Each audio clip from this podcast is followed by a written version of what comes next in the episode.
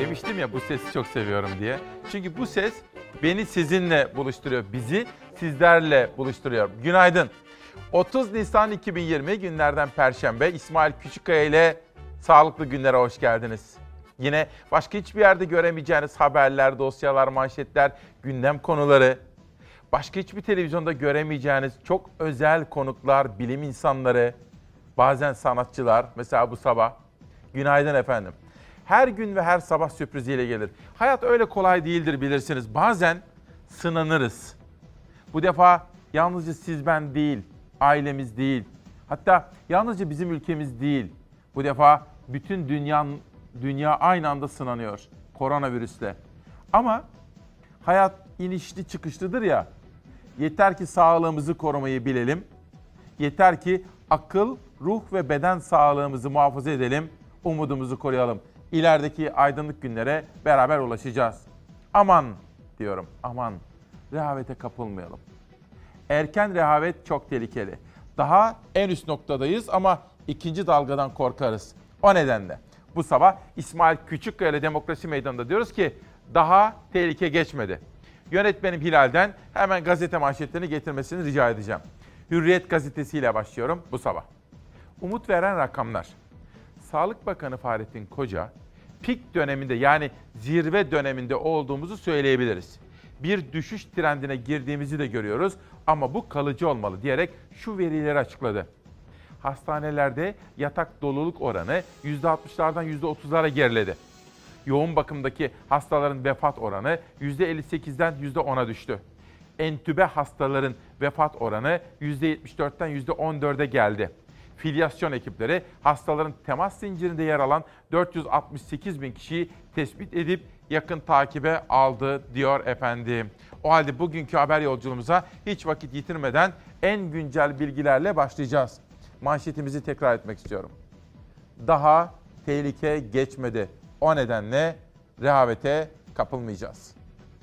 Türkiye bu sınavdan şu ana dek yüzünün akıyla çıktı. Bizi bu noktaya tedbirlere uyum ve titizlik getirdi. Bilim Kurulu toplantısı sonrası yine umut veren cümleler duyuldu Sağlık Bakanı'ndan. Salgının pik noktaya ulaştığını söyledi bakan ama uyardı.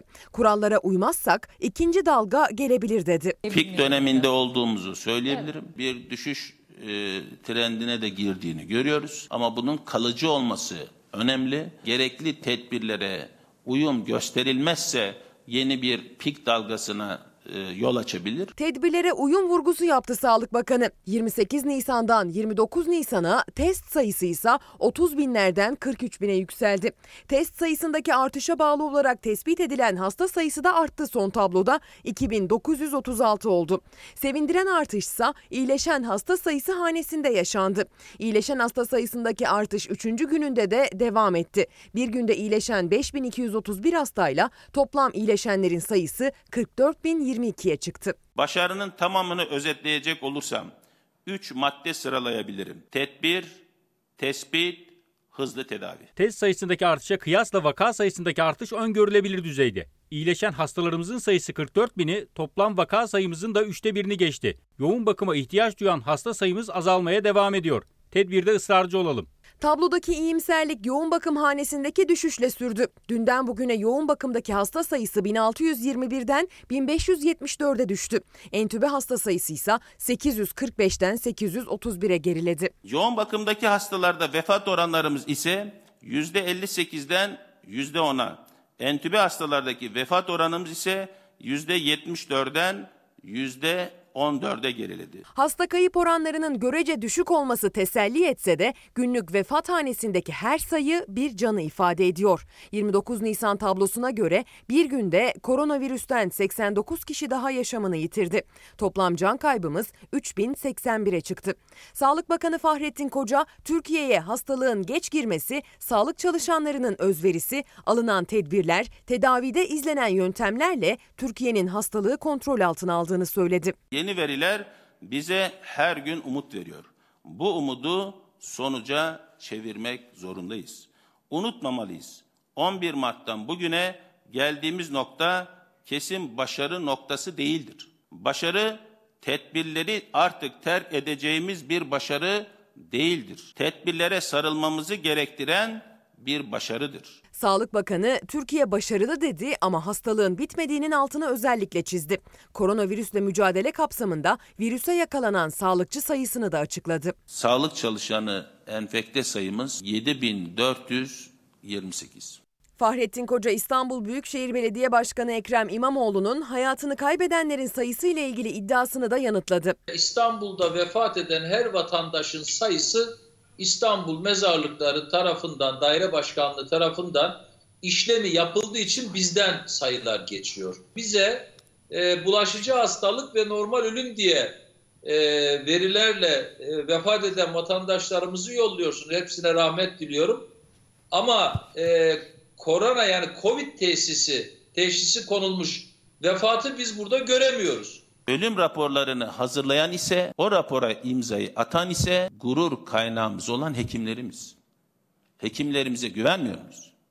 Sağlık Bakanlığı mı imza atıyor? Bugün işte bütün bu tartışmaları bütün detaylarıyla çok taraflı olarak bakarak sizlere en sağlıklı, en güvenilir bilgileri aktarmak isteyeceğim.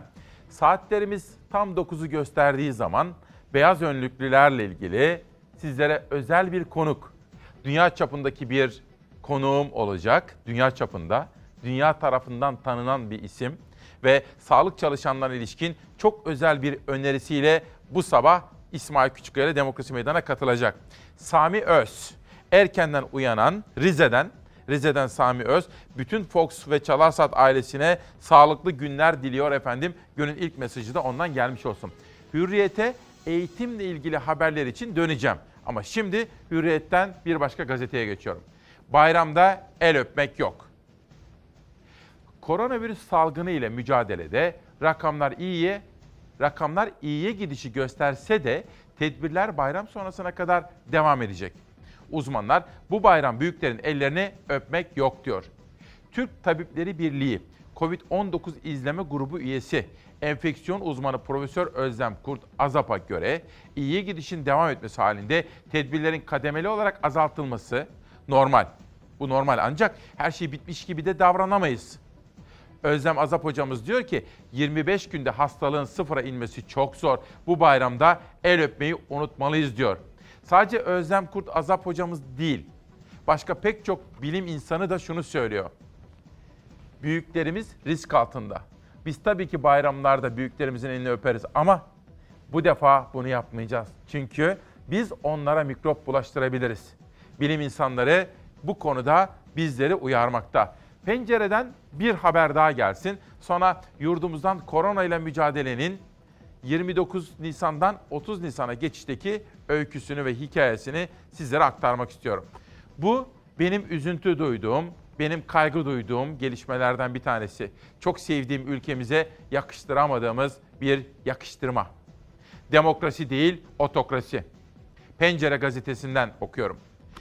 Alman Bertelsmann Vakfı'nın dönüşüm endeksinde Türkiye ılımlı otokrasi olarak sınıflandırıldı. Ilımlı otokrasi. Raporda demokrasiye göre sınıflandırmada 137 ülke arasında 77. sırada gelen Türkiye için de facto diktatörlük denildi. Yani fiili diktatörlük tanımlaması yapılmış. Türkiye vakfın hazırladığı raporda ilk kez otokrasi olarak sınıflandırılmış oldu. Neden bunu yaptılar? Ne demek istiyorlar? Bugün bir köşe yazısı söyleyeyim hemen. Fikri Sağlar da Otokrasi isimli başlığında Bir Gün gazetesinde bu konuya değinmiş. Ben bütün bölümlerden farklı bakış açılarıyla sizlere bu konudaki de- detaylı gelişmeleri aktarmaya gayret edeceğim. Demek ki Hürriyet ve Pencere'yi şimdilik tamamladım. Sözcü gazetesiyle Sabah gazetesinin manşetine geçiyorum. Önce Sözcü. Meral Akşener İstanbul Büyükşehir Belediye Başkanı'na saldırıları böyle değerlendirdi. Ekrem İmamoğlu şeytan kovalamaktan namaz kılmaya vakit bulamıyor. İyi Parti lideri Meral Akşener bir benzetme yapıyor. İktidarın en son yapılan yerel seçimleri kaybetmeyi henüz hazmedemediğini ve o seçimleri kaybetmenin travmasını henüz üzerinden atamadığını söylüyor Akşener. Bütün bu sözlerini Ciner grubunun televizyonu Habertürk'te katıldığı Fatih Altaylı ile Tek Tek programında dile getirdi. Diyor ki, bütün dikkat İstanbul Belediyesi'nin üzerinde. Ne travmaymış, atlatılamadı gitti. Ekrem İmamoğlu şeytan kovalamaktan namaza vakit bulamıyor. Kafayı kaldırdığında çekiç vuruluyor. Akşener Türkiye para basıyor. Ancak belli gruplara gidiyor. Vatandaşın eline geçen para yok. Pandemi yani salgın sonrası ekonomiyle ilgili endişelerim var. Cüzdansız ve vicdansız kavgası bitmeli dedi. İşte bu sözleriyle gündem oldu Akşener. Sözcüye ikinci detay için Hürriyet'le birlikte yeniden döneceğim. Lakin şimdilik Sözcü'den Sabah gazetesine geçiyorum. Sabah gazetesinde tehlike geçmedi. Tedbire devam manşetini görüyorum. Burak Erdem Çelik yazmış haberi. Sağlık Bakanı Burhanettin Koca Sabah gazetesinin manşetinde. Türkiye bu sınavdan şu ana dek yüzünün akıyla çıktı. Ancak tedbirlere uyulmazsa yeni bir pik dalgası gelebilir diyor. Yani yeni bir zirve noktası bir daha salgında görülebilir diye uyarıyor efendim. O halde bizler de diyoruz ki biz Çalar Saat ailesi olarak diyoruz ki aman Türkiye'm, aman Çalar Saat ailesi. Tehlike geçmedi daha.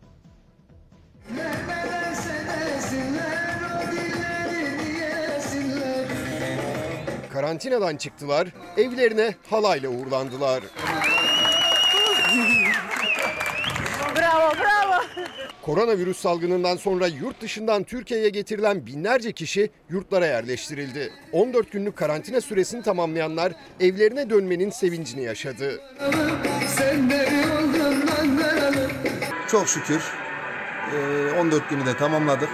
Sağlıklı sıhhatle evimize dönüyoruz. Çok iyi ağırlandık. Ee, Çok memnun kaldık Malatya'dan. Uçuş yasağı nedeniyle Hindistan'da mahsur kalan su terapisti Seda Yavaş'ın memleket özlemi de sona erdi. Yaklaşık 40 gün sonra Türkiye'ye dönebilen Yavaş sevinç gözyaşları döktü. Türkiye'deyim. İzmir'deyim. Bu sefer sevinçten ağlıyorum. Hala Türkiye topraklarında olduğuma inanamıyorum. Yurt dışındaki Türklerin tahliye operasyonu ise sürdü. Hindistan'da yaşayan 69 Türk vatandaşı Sivas'a getirilerek 14 gün gözlem altında kalacakları yurda yerleştirildi. Tanzanya'dan 153, Kenya'dan 119 kişi uçakla Samsun'a getirildi. Sağlık kontrolünden geçirilenler otobüslerle yurtlara gönderildi. Koronavirüs salgınıyla mücadele eden hastalardan güzel haberler gelmeye devam etti. Kayseri'de virüs testi pozitif çıkan ve 32 gün yoğun bakımda kalan 61 yaşındaki bir hasta alkışlarla normal servise alındı. Gittim diyorum ama Allah bana bir güç verdi, bir sabır verdi. Öldüm geldim gibi. Hiç kendimle değildim ki. Ordu'da koronavirüse yakalanan hemşire Elif Kaşıkçı 19 gün süren tedavi sonrası sağlığına kavuştu.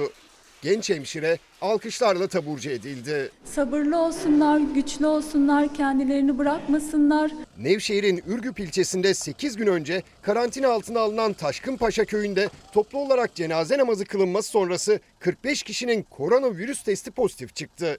Ürgüp Kaymakamlığı toplu cenaze namazı kılınmasına izin veren muhtar, muhtar azaları ve namazı kıldıran imam hakkında soruşturma başlattı. En güncel, en taze, en güvenilir bilgileri sizlere aktarmaya gayret ediyorum. Az evvel Rize'den bir selam gelmişti. Çalar Saat ailesi uyanmakta, demokrasiyle uyanmak istiyorsunuz. Hayri Manavoğlu, Hayri Manavoğlu. İsmail Bey günaydın. Sizin şahsınızda bütün Çalar Saat ailesine, Trabzon'dan, Uzungöl'den ve sizinle birlikte Fox'a, Çalar Saat ailesine tarafsız ve bağımsız özgür yayıncılığınız için en içten teşekkür ve derin saygılarımı sunarım diyor. Bak böyle gönderdiği mesajda Hayri Manavoğlu. Erdem Hanım diyor ki Türkiye otokratik bir ülke olarak ilan edildi. Gözünüz aydın. Az evvel dediniz ki bu bir yakıştırma. Acaba gerçekten yakıştırma mı? Türkiye'de bir tek kişinin her istediği oluyor mu, olmuyor mu? Demokrasinin üstünlüğü, hukukun üstünlüğü gibi kavramlar ifade özgürlüğü nerede kaldı diye soruyor. Ne dersiniz efendim? Biz demokrasiden vazgeçemeyiz ülkemizin demokratik kazanımlarının erimekte olduğu ortada. Ama ülkemizin otokrasi olarak tanımlanmasını ben kabullenmek istemem. Yakıştırma diye söylememdeki sebep o ama Erdem Hanım da bana istem diyor. Siz ne düşünüyorsunuz? Ne diyordu? Demokrasinin erdemleri, demokrasinin kriterleri. Mesela hukukun üstünlüğünde ne durumdayız? Mesela bir yargıcın dediği mi olur Türkiye'de yoksa siyasilerin emirleri mi yerine getirilir? Ya da Gazeteciler özgürce yayın yapabiliyorlar mı? Özgürce yayın yapmaya çalışan bir avuç gazeteci tehlikelerle karşı karşıya kalıyor mu? Hapis cezaları, tazminat cezaları, kapanma cezaları, riskleri. Bu konulardaki düşüncelerinizi yazmak, bana yazarsanız çok memnun olurum. Öğrenmek istiyorum sizlerin yaklaşımlarını.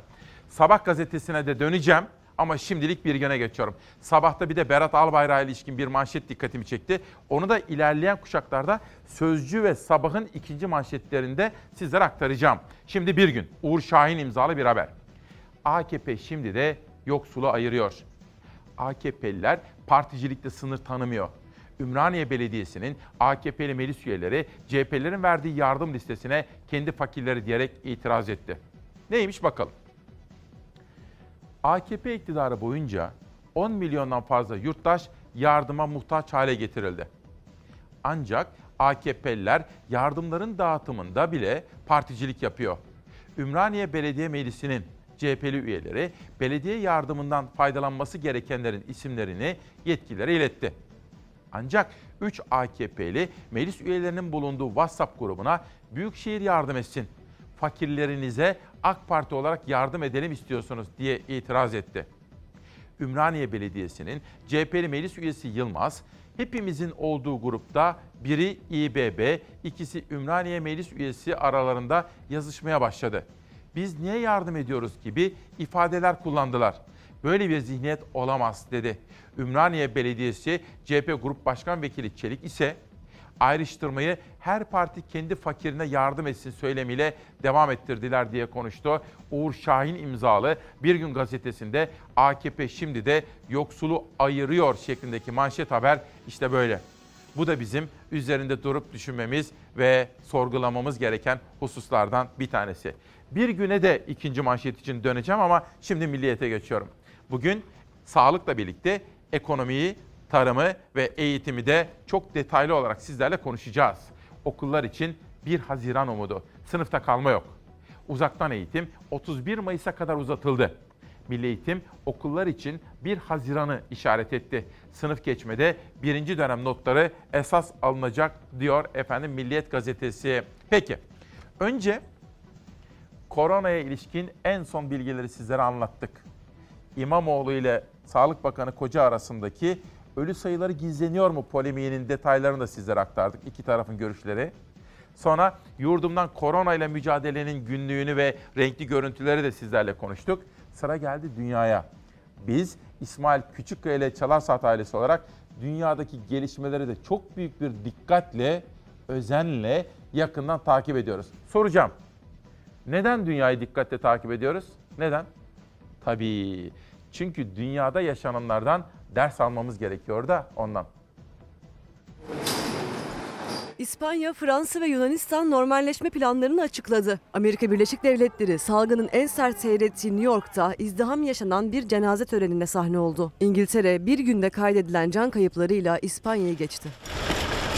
Dünyada Covid-19'a karşı verilen mücadelede iki ülkede geliştirilen aşılar umut kaynağı oldu. Amerika'da bir ilaç devi korona aşısının acil durum kullanımı için sonbaharda hazır olabileceğini duyurdu. Daha geniş ölçekli dağıtım içinse yılın sonunu işaret etti. İngiltere'deki Oxford Üniversitesi'nde maymunlar üzerinde denenen aşının da başarılı olduğu kaydedildi.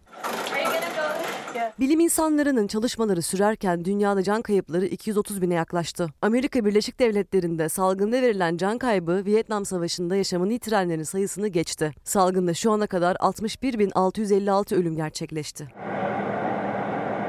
Tedbirlerin sıkı bir şekilde uygulandığı Amerika'nın New York şehrinde izdiham yaşandı. Ortodoks Yahudi topluluğunun önde gelen bir din adamının hayatını kaybetmesiyle cenaze töreni düzenlendi. Tören o kadar kalabalıktı ki izdiham yaşandı. Her yaşta katılımcının olduğu törende sosyal mesafe kuralı hiçe sayıldı.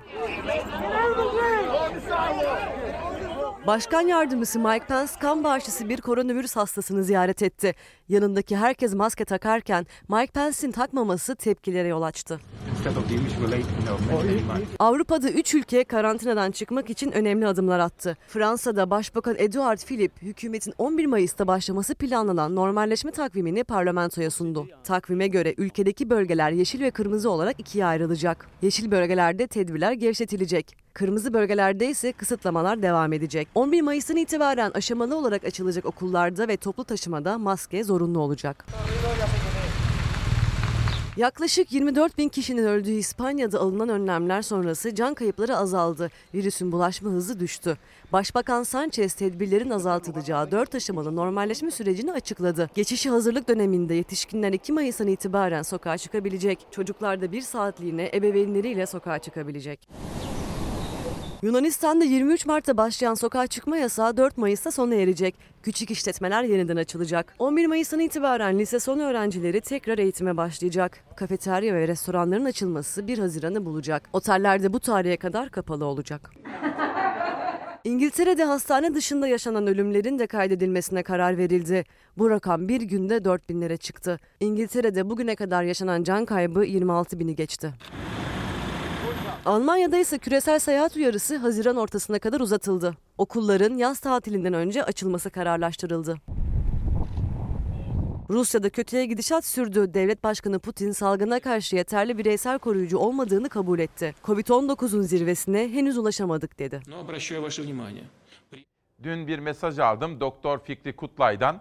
Sağlık çalışanlarıyla özellikle yitirdiğimiz sağlık çalışanlarıyla ilgili bana bir çalışma gönderdi. Arkadaşlarının, meslektaşlarının çalışmasını ve saat 9'da bizim Türkiye'mizin dünya çapındaki bir ismiyle bu konuda sağlık çalışanları konusunda çok özel bir proje, daha doğrusu bir fikri tartışmaya açacağız efendim. Şahizer Sever İskenderun'dan İsmail Bey günaydın.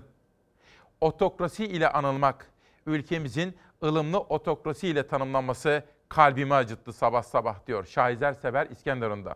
Kadriye Özdemir, hayırlı yayınlar. Çocuklarımızın eğitimi kadar onları salgın hastalıktan da korumamız gerekiyor. Hem bir taraftan sağlıklarını hem de bir taraftan bilgilerini onları cahil kalmaktan korumalıyız diyor Kadriye Özdemir de göndermiş olduğu mesajda. Bugün özel konu, manşet ve konuklarım da olacak. Çalarsat gazetesini de bu sabah fedakar tıp çalışanlarına armağan edeceğiz efendim. Böylece Milliyet'ten Cumhuriyet'e geçiyorum. Bakalım Cumhuriyet'te manşet neymiş? Mustafa Çakır imzalı manşet. Virüsle mücadelede canlarını ortaya koyan sağlıkçılar kaldıkları otellerde yemek bulamıyor. Sıcak aşa hasretler. Türkiye'nin koronavirüs tedavisindeki büyük başarısına imza atan sağlık emekçilerinin konakladıkları otel, misafirhane ve pansiyonlarda sıcak yemek bulamadıkları ortaya çıktı konaklama yerlerindeki personelin izinli olduğunu belirten işçi ve memur konfederasyonları hükümetten bu soruna çözüm bulmasını istedi. Konfederasyon başkanları önceki gün görüştükleri bakanlar Selçuk ve Albayrak'a ayrıca şu talepleri iletti. Kısa çalışmadan daha çok işçi yararlansın. Kısa çalışmadan daha çok işçi yararlansın. Ücretsiz izinde parayı artırın ataması yapılan öğretmenleri göreve başlatın. PTT çalışanlarına teşvik verin. 3600 ek göstergeyi çıkarın diyor Cumhuriyet Gazetesi'nde bugünkü manşette efendim. Bir soru. Biz sizlerin sağlığını düşünüyoruz. Sadece beden değil, ruh sağlığınızı da düşünüyoruz. Peki bizim, biz İsmail Küçükkaya ile Çalarsat ailesinin temel felsefelerini bana söyler misiniz? Kadınlara, annelere öncelik ve eşitlik ve engelli haklarını korumak, doğaya özen göstermek, hayvan haklarına itina etmek, sokaktaki hayvanları da düşünmek, değil mi? Otizmli, Down sendromlu çocuklarımızın hayata katılımlarını teşvik etmek. Refah, medeni bir dünya düzeni, bir Türkiye'de toplumsal düzen inşa etmek. Mesela çevre haberleri bizim asla vazgeçemeyeceğimiz temel gündem maddelerimizden birisidir. Biz sağlıklı yaşam, sağlıklı çevreyle olur diyoruz ve termik santraline karşı çıkıyoruz. Denizli'de termik santral kurmak için 50 bin zeytin ağacının kesilmesine bölge halkı itiraz etti. Ölüdeniz ve çevresinde 6 tane jeotermal sondaj kuyusu açılması için ruhsat ve izin verildi. Beyşehir Gölü kıyısına yapılması planlanan turistik tesis ve marina projesine çevrecilerden tepki geldi. Salda Gölü içinse 67 sivil toplum örgütü bir araya geldi. Çevre ve Şehircilik Bakanlığı'ndan projenin iptalini istedi. やった! Hakkında süren tartışmaların son bulmadığı Salda Gölü ve çevresine yapılacak millet bahçesi için sivil inisiyatifler itiraz etti. Sözcü gazetesinin haberine göre 67 sivil toplum örgütü bir araya geldi. Çevre ve Şehircilik Bakanlığı'na ortak bir bildiri gönderildi. Çevresinde 20'si endemik 300 çeşit bitki barındıran 114 omurgalı canlı ve 69 kuş türüne yaşam merkezi olan Salda'nın kıyısına 43 bina inşasının beraberinde getiren millet bahçesi projesinin iptal edilmesini istiyorlar. Bir diğer Millet Bahçesi projesinin haberi ise Beyşehir Gölü'nden geldi. Konya ve Isparta sınırları içinde kalan göl kıyısına 188 hektarlık bir turizm bölgesi kurulacağını Beyşehir Belediye Başkanı Adil Bayındır duyurdu. Proje kapsamında plaj, marina, kamp alanı, bungalovlar ve çadır kamplı tesisler de yapılacak. Çevre örgütleri ise duruma sosyal medyadan tepki gösterdi. Kuşların ve saz kedilerinin yaşam alanı olan gölün doğal güzelliğine dokunulmamasını talep ettiler. Fethiye'nin parmakla gösterilen doğal güzelliklerinden biri olan Ölüdeniz Plajı Lagünü'ne ve çevresine ise 6 adet jeotermal sondaj kuyusu açılması için izin ve ruhsat verildiği haberini Bir Gün Gazetesi sayfalarına taşıdı. Jeotermal sondaj kuyusu açılacak bölgeler arasında Ölüdeniz Lagünü'nün yanı sıra Kayaköy Mahallesi, Delikburnu Gemiler Sahili, Darboğaz Plajı ve kuzeyindeki Oyukbaşı Tepesi mevkii de var. 10 bin metrekarelik alanı kaplayan jeotermal projeleri için çevre örgütleri sosyal medyadan itiraz etti. Bu bölgede birçok en az 10 yaşında olan zeytinlikler, zeytin ağaçları mevcut. Bu zeytin ağaçları bizim her şeyimiz. Bu zeytin ağaçları bizim dedelerimizden, atalarımızdan bize miras kalan en büyük noktalar. Bu bölgede termik santral yapılmak isteniyor. Biz bu bölgede termik santral istemiyoruz. Bu zeytinlik alandır burası. Bu sene ben kendim 15 bin tane fidan dağıttım. Buradaysa sadece bu yıl 15 bin yeni zeytin fidanı toprakla buluştu. Denizli Tavas'a bağlı Avdan mahallesinde termik santral kurulmak isteniyor. Ancak Denizlililer turuma tepkili. 640 hektarlık alan termik santral e, ruhsat sahası olarak görülmekte ÇED raporunda. Yılda 1 milyon 690 bin e, ton civarında e, bir kömür işleyecek ve ÇED raporundan da gördüğümüz üzere yıllık 1 milyon 380 bin ton da kül bırakacak. Bu küller bu güzelim e, tarım arazilerine e, ve zeytin bahçelerinin üzerlerine gelecek. CHP Doğa Haklarından sorumlu Genel Başkan Yardımcısı Gülizar Biçer Karaca termik santrale ait ÇED raporunun detaylarını paylaştı. Bölgede sadece zeytin değil pek çok ürün yetişiyor. Bu arazilerde zeytinlik, buğday, arpa, nohut, her türlü bitki yetişiyor. Biz sağlıklı yaşam, sağlıklı çevreyle olur diyoruz ve termik santraline karşı çıkıyoruz. Bu da bir Ezgi Gözeger haberiydi. Çevre sorunları bizim en fazla üzerinde durduğumuz konulardan biridir. Ve Sema Hanım, ben Sivas'tan yazıyorum. Ben bir öğretmenim. Aynı zamanda annesi babası da öğretmen olan birisiyim. Öğretmenlere verdiğiniz değer için teşekkür ederim derken ne demek? Sema Hanım, bize bir harf öğretenin 40 yıl kölesi oluruz biz. Mithat Atmaca, Katar'dan selamlar. Ben de sizleri her sabah Katar'dan izliyorum diyor Mithat Atmaca'ya da. Dünyanın dört bir tarafındaki memleket sevdalarına da sevgi ve saygılarımızı, muhabbet duygularımızı iletmek istiyorum. Cumhuriyet'ten bir haber daha. Cumhuriyet ifadeye gidiyor. Şimdi Cumhuriyet Gazetesi'nde birinci sayfada dört fotoğraf. Okuyalım bakalım neymiş. Fahrettin Altun'un yani Cumhurbaşkanlığı İletişim Başkanı biliyorsunuz kendisi. Fahrettin Altun'un Kuzguncuk'ta kiraladığı araziye yaptırdığı şömine ve çardağın İstanbul Büyükşehir Belediyesi tarafından yıkılmasına ilişkin Cumhuriyet Gazetesi'nin haberiyle ilgili açılan terör soruşturması kapsamında Cumhuriyet Gazetesi'nden Büyüktaş, Özbey, Ocak ve Arık ifadeye çağrılmış. Haber bu.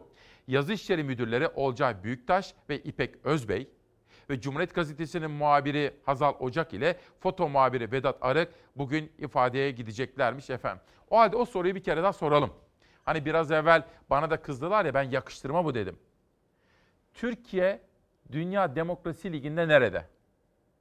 tam demokratik ülkeler, demokratik ülkeler, yarı demokratik ülkeler. Bu konulardaki düşüncelerinizi söyleyin. Kriterlerimiz şu. Güçler ayrılığı. Yasama, yürütme, yargı birbirini denetler. Güçlü basın, bağımsız, tarafsız. Hukukun üstünlüğü, hakim teminatı. Yani yargıçlar kararlarını verirken hiçbir makamdan telkin, tavsiye, yönlendirme, aracı kabul etmezler. Adalet Bakanlığı'nın filanca genel müdürü, filanca bakan yardımcısı, filanca dairenin başkanı bazı hakimlere gitmezler. Yüksek makamların verdiği, vereceği, makamların verdiği veya vereceği sinyalleri aktarmazlar. Genel itibariyle konuşuyorum. Demokrasinin ilkelerinden bahsediyorum. Herhangi bir ülkeyi kastediyor değilim. Siz bu genel, bu evrensel ilkeler ışığında bizim biricik ülkemizin genel durumunu düşünün, sorun, sorgulayın ve bana yazın. Ülkemin bu konuda nasıl bir manzaraya sahip olduğuna dair ne hissediyorsunuz? Sizler demokratik bir ülkenin hak sahibi yurttaşlarısınız. Düşüncelerinizi özgürce ifade edebilmelisiniz diyorum. Cumhuriyet Gazetesi'ndeki gazetecilerle ilgili bu haberden sonra karara geçiyorum. Dünyayı yaktın, tazminat öde. İlerleyen dakikalarda ABD Başkanı Trump'ın Çin yönetimine ilişkin korona ile ilgili çok sert eleştirilerini de izleyeceksiniz. Haberi hazırlanmakta. Salgını gizleyip Covid kızılcımını, kıvılcımını küresel yangına çeviren, sahte verilerle felaketi körükleyen, ülkelere bozuk test kiti gönderen Çin tazminat kıskacında. Pekin kapı arkası diplomasiyle tepkileri frenlemeye çalışırken Avustralya uluslararası soruşturma çağrısında bulundu efendim. Bakın bu da ne kadar dikkat çekici. Berlin ve Londra tazminat dosyaları hazırladı. Virüsü kaynağında bitirebilirlerdi diyen Trump ise yüklü tazminat mesajı verdi diyor. Biraz sonra göreceksiniz Trump dedi ki Çin dedi burada üzerine düşeni yapmadı. Kendi ülkesine dünyadan gelen uçakları durdurdu.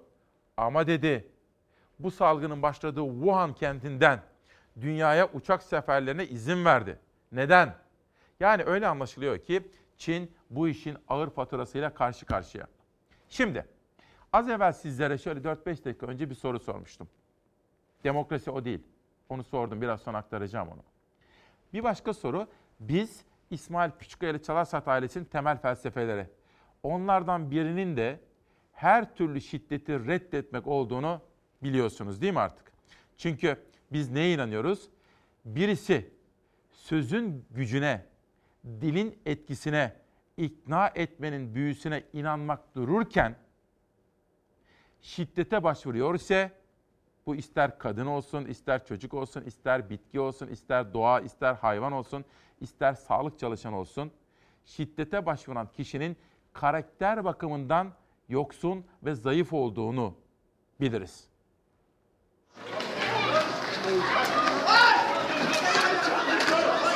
Magandalar. Do- şu doktor kavga etmiyor adam. Ayırmaya indi. Yumrukları doktor bey yiyor. Bayanın beyaz önlük vardı üstünde. Aşağıya gelmişler hastaya herhalde. Salgınla mücadelede en önemli alanda görev yapıyorlardı. Filyasyon ekibi olarak pozitif hastaların temas ettiği kişileri test ediyor, en kısa sürede tedaviye ulaşmalarını sağlıyorlardı. Ama bir şehir magandası kesti önlerini, saldırdı, yaraladı. Bir başka saldırgansa aracıyla hastane kapısını kırdı. Sağlıkta şiddetin önü kesilmiyor. Alo polis, polis arasana. Kamuda çalışan diş hekimleri filyasyon ekibi olarak görevlendiriliyor. İstanbul Fatih'te de iki diş hekimi bir şoför belirledikleri adrese gidip test yapacaktı. Ancak ekibe yol vermeyen başka bir şoför üstüne bir de tekmeler, yumruklar savurdu.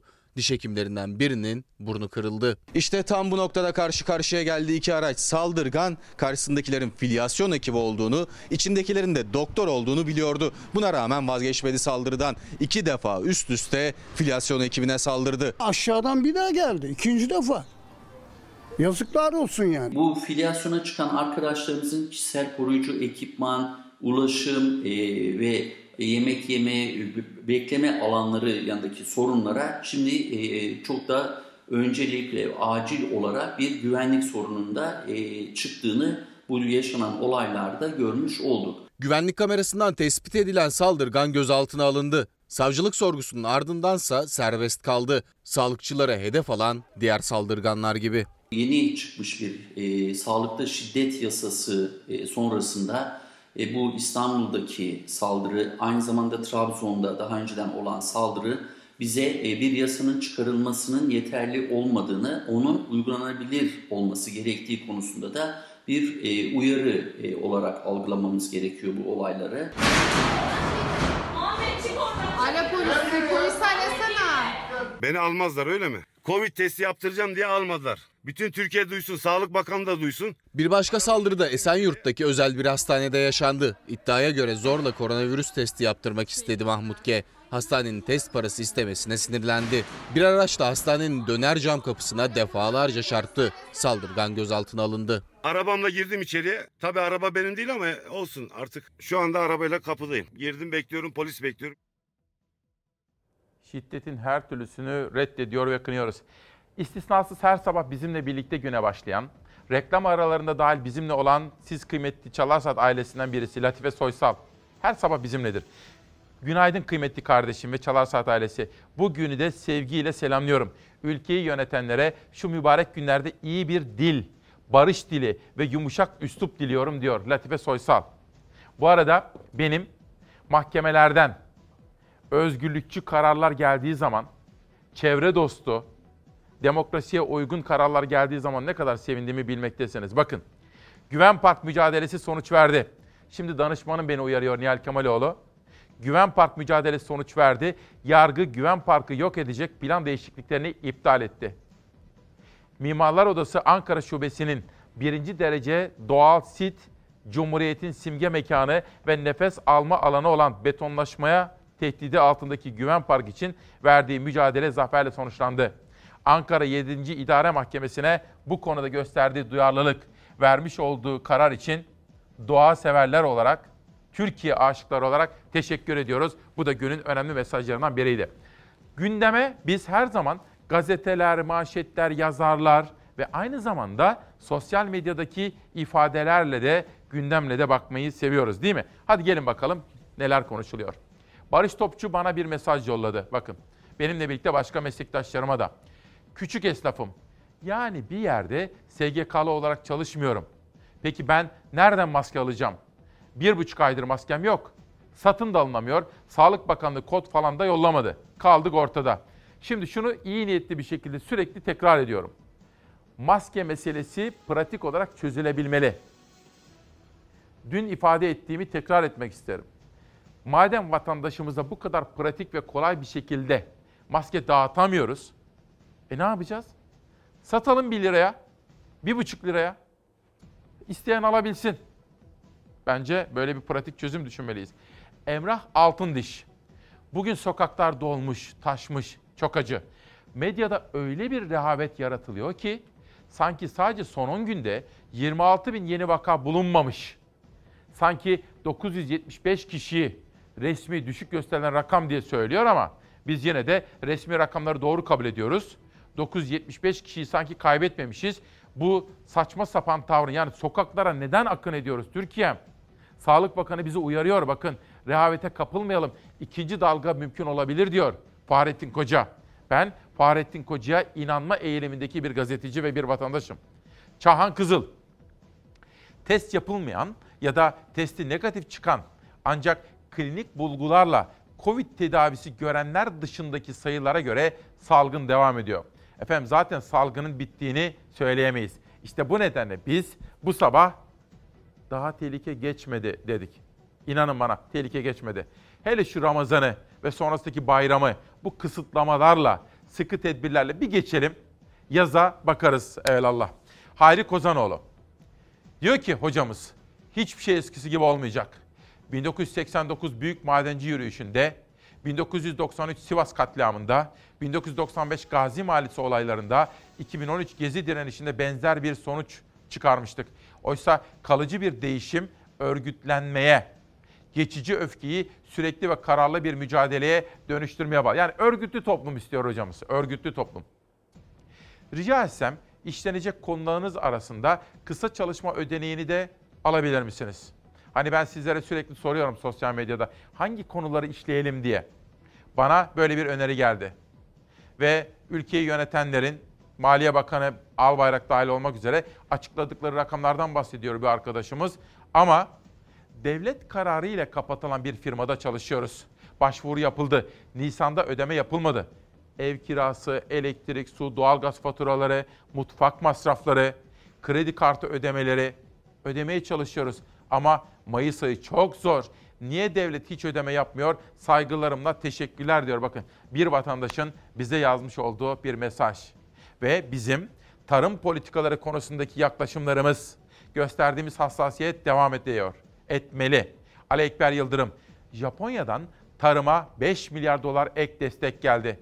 Japonya Tarım, Orman ve Balıkçılık Bakanlığı koronavirüsten etkilenen tarım sektörüne 545 milyar yen, 5 milyar dolar ek destek sağlıyor. Destek hayvancılık, süt ürünleri, meyvecilik, orman, su ürünleri ve tarım ihracatına harcanacak diyor Ali Ekber Yıldırım. Kerimcan Kamal, iyi yapıldığını düşündüğünüz bir şeye iyi yapılmış derken bile 40 kez düşünmek gerekiyor. Zira arkasından bir şey çıkar mı çıkmaz mı bilemiyorsunuz. Ya da sonrasında öyle başka bir şey oluyor ki bunu yapan iyi bir şey yapamaz diyorsunuz. Ne kadar yazık bize, ne kadar yorgunuz diyor. Toplumsal haleti ruhiyemizi gözler önüne seriyor. Bir başka mesaj.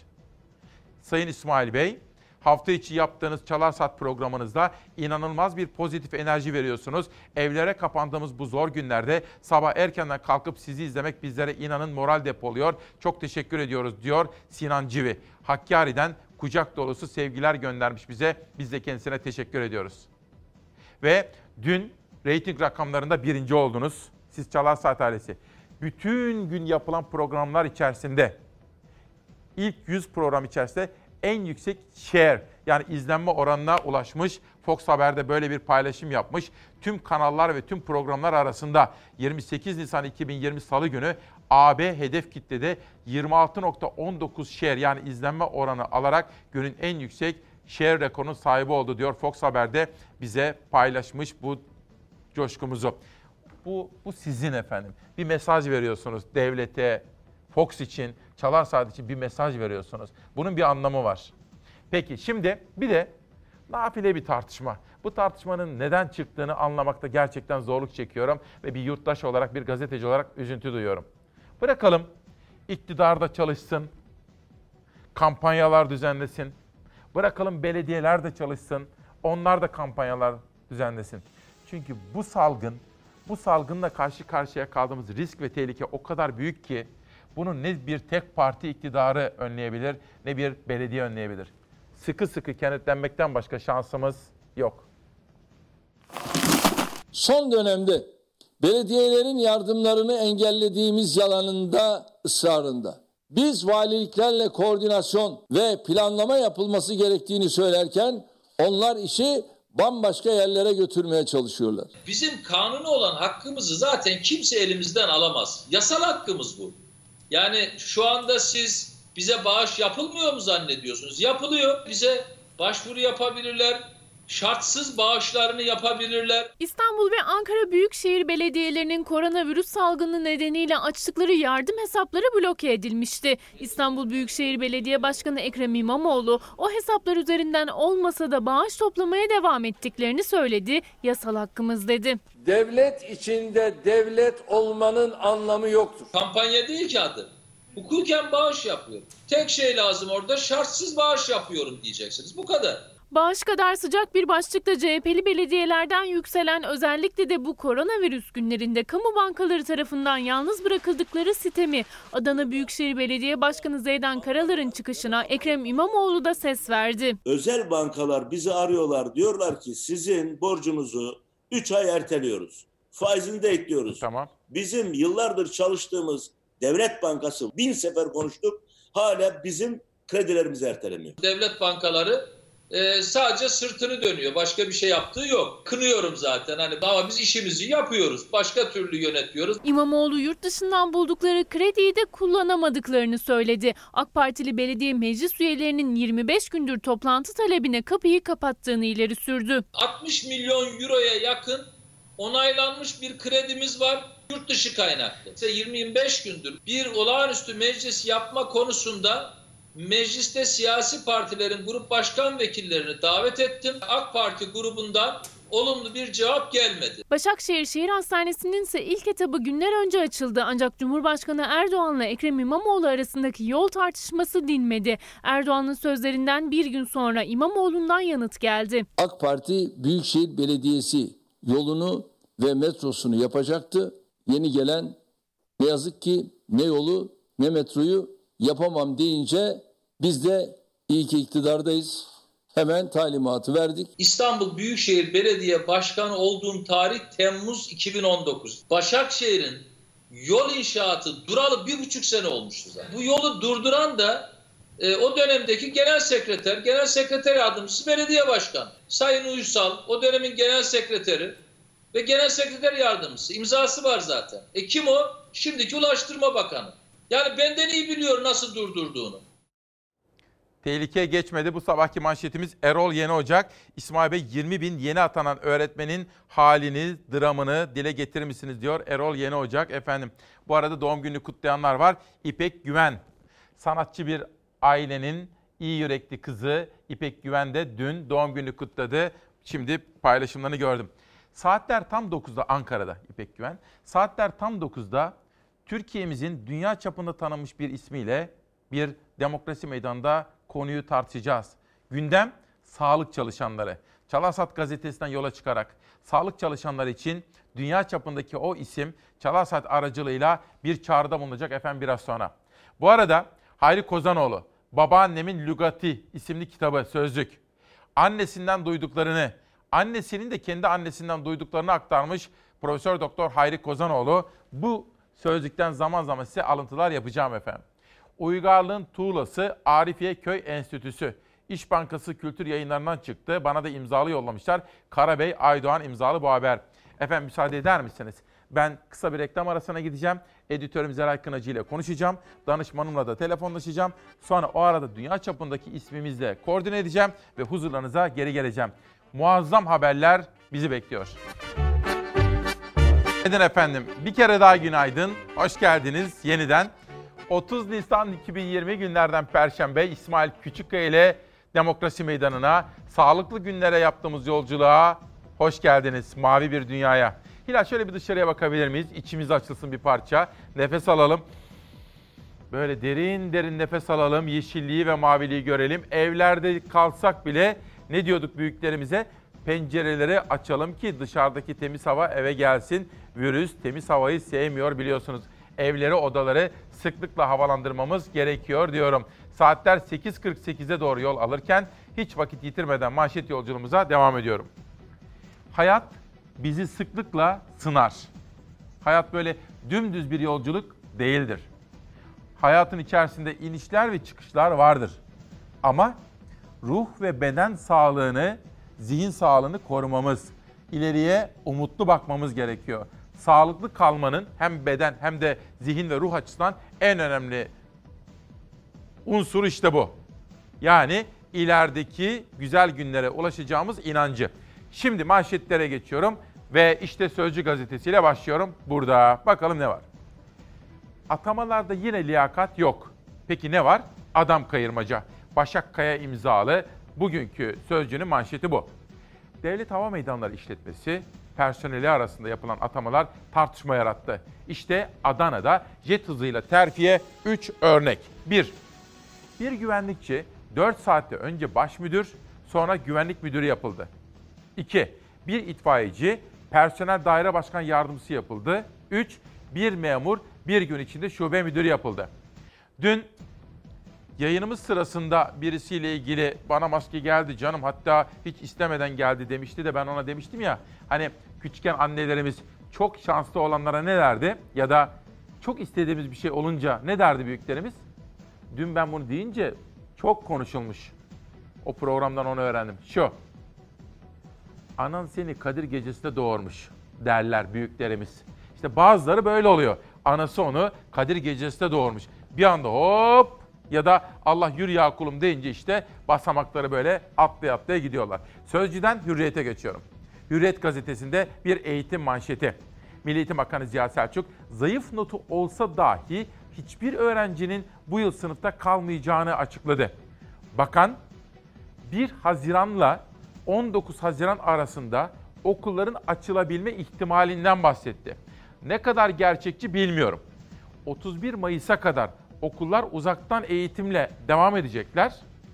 Ama 1 Haziran'la 2 veya 3 hafta içerisinde 19 Haziran'a kadar okullar açılabilir mi, açılamaz mı? İşte temel mesele, temel soru bu. Her saate her saate ellerimi yıkıyorum. Yemekten önce, yemekten sonra. 1 Haziran'da açarız. Eğer normalleşme süreci e, beklendiği şekilde devam ederse İlk kez tarih telaffuz etti Milli Eğitim Bakanı. Koronavirüsle mücadelede gelen iyi haberlerin ardından salgının kontrol altında kalması halinde 1 Haziran'da okulların açılacağını duyurdu. öğretmenlerimizden, velilerimizden, öğrencilerimizden hani on binlerce talep alıyoruz. O yani mümkün olduğu kadar kısa sürede açılmasıyla ilgili bir beklenti var. Koronavirüs salgınının Türkiye'de görülmesinin ardından ilk alınan tedbirlerden biriydi okulların kapatılması. Hem milyonlarca öğrencinin hem de velilerinin sağlığı için ilk vakanın görüldüğü günün ertesinde okullar tatil edildi. Uzaktan eğitim modeline geçildi. 31 Mayıs'a kadar bu süreç devam edecek. Virüsle mücadelede alınan önlemler, sağlık çalışanlarının fedakarca gösterdiği emekler, vatandaşların tedbirlere uymasıyla Türkiye'de salgın önemli ölçüde kontrol altına alındı. Yeni vaka sayısı azaldı. İyileşenlerin sayısı hızla çoğaldı. Artık normalleşme takvimi konuşulmaya başlandı. Bizim açımızdan önemli olan çocuklarımızın sağlığı, onların güvenliği. Ee, bu konuda emin olduğumuz anda biz okul açarız. Dün düzenlediği basın toplantısında uzaktan eğitimin 31 Mayıs'a kadar süreceğini açıklamıştı Milli Eğitim Bakanı Ziya Selçuk. Akşam saatlerinde CNN Türk Televizyonu'nda Ahmet Hakan'ın programında okulların 1 Haziran'da açılabileceğini söyledi. Ama bir şart ekledi. 1 Haziran'da açarız. Eğer normalleşme süreci e, beklendiği şekilde devam ederse. İki hafta içinde açarız mı diyorsunuz eğer her şey yolunda giderse? Şimdi 19 Haziran biliyorsunuz okulların kapanma tarihi.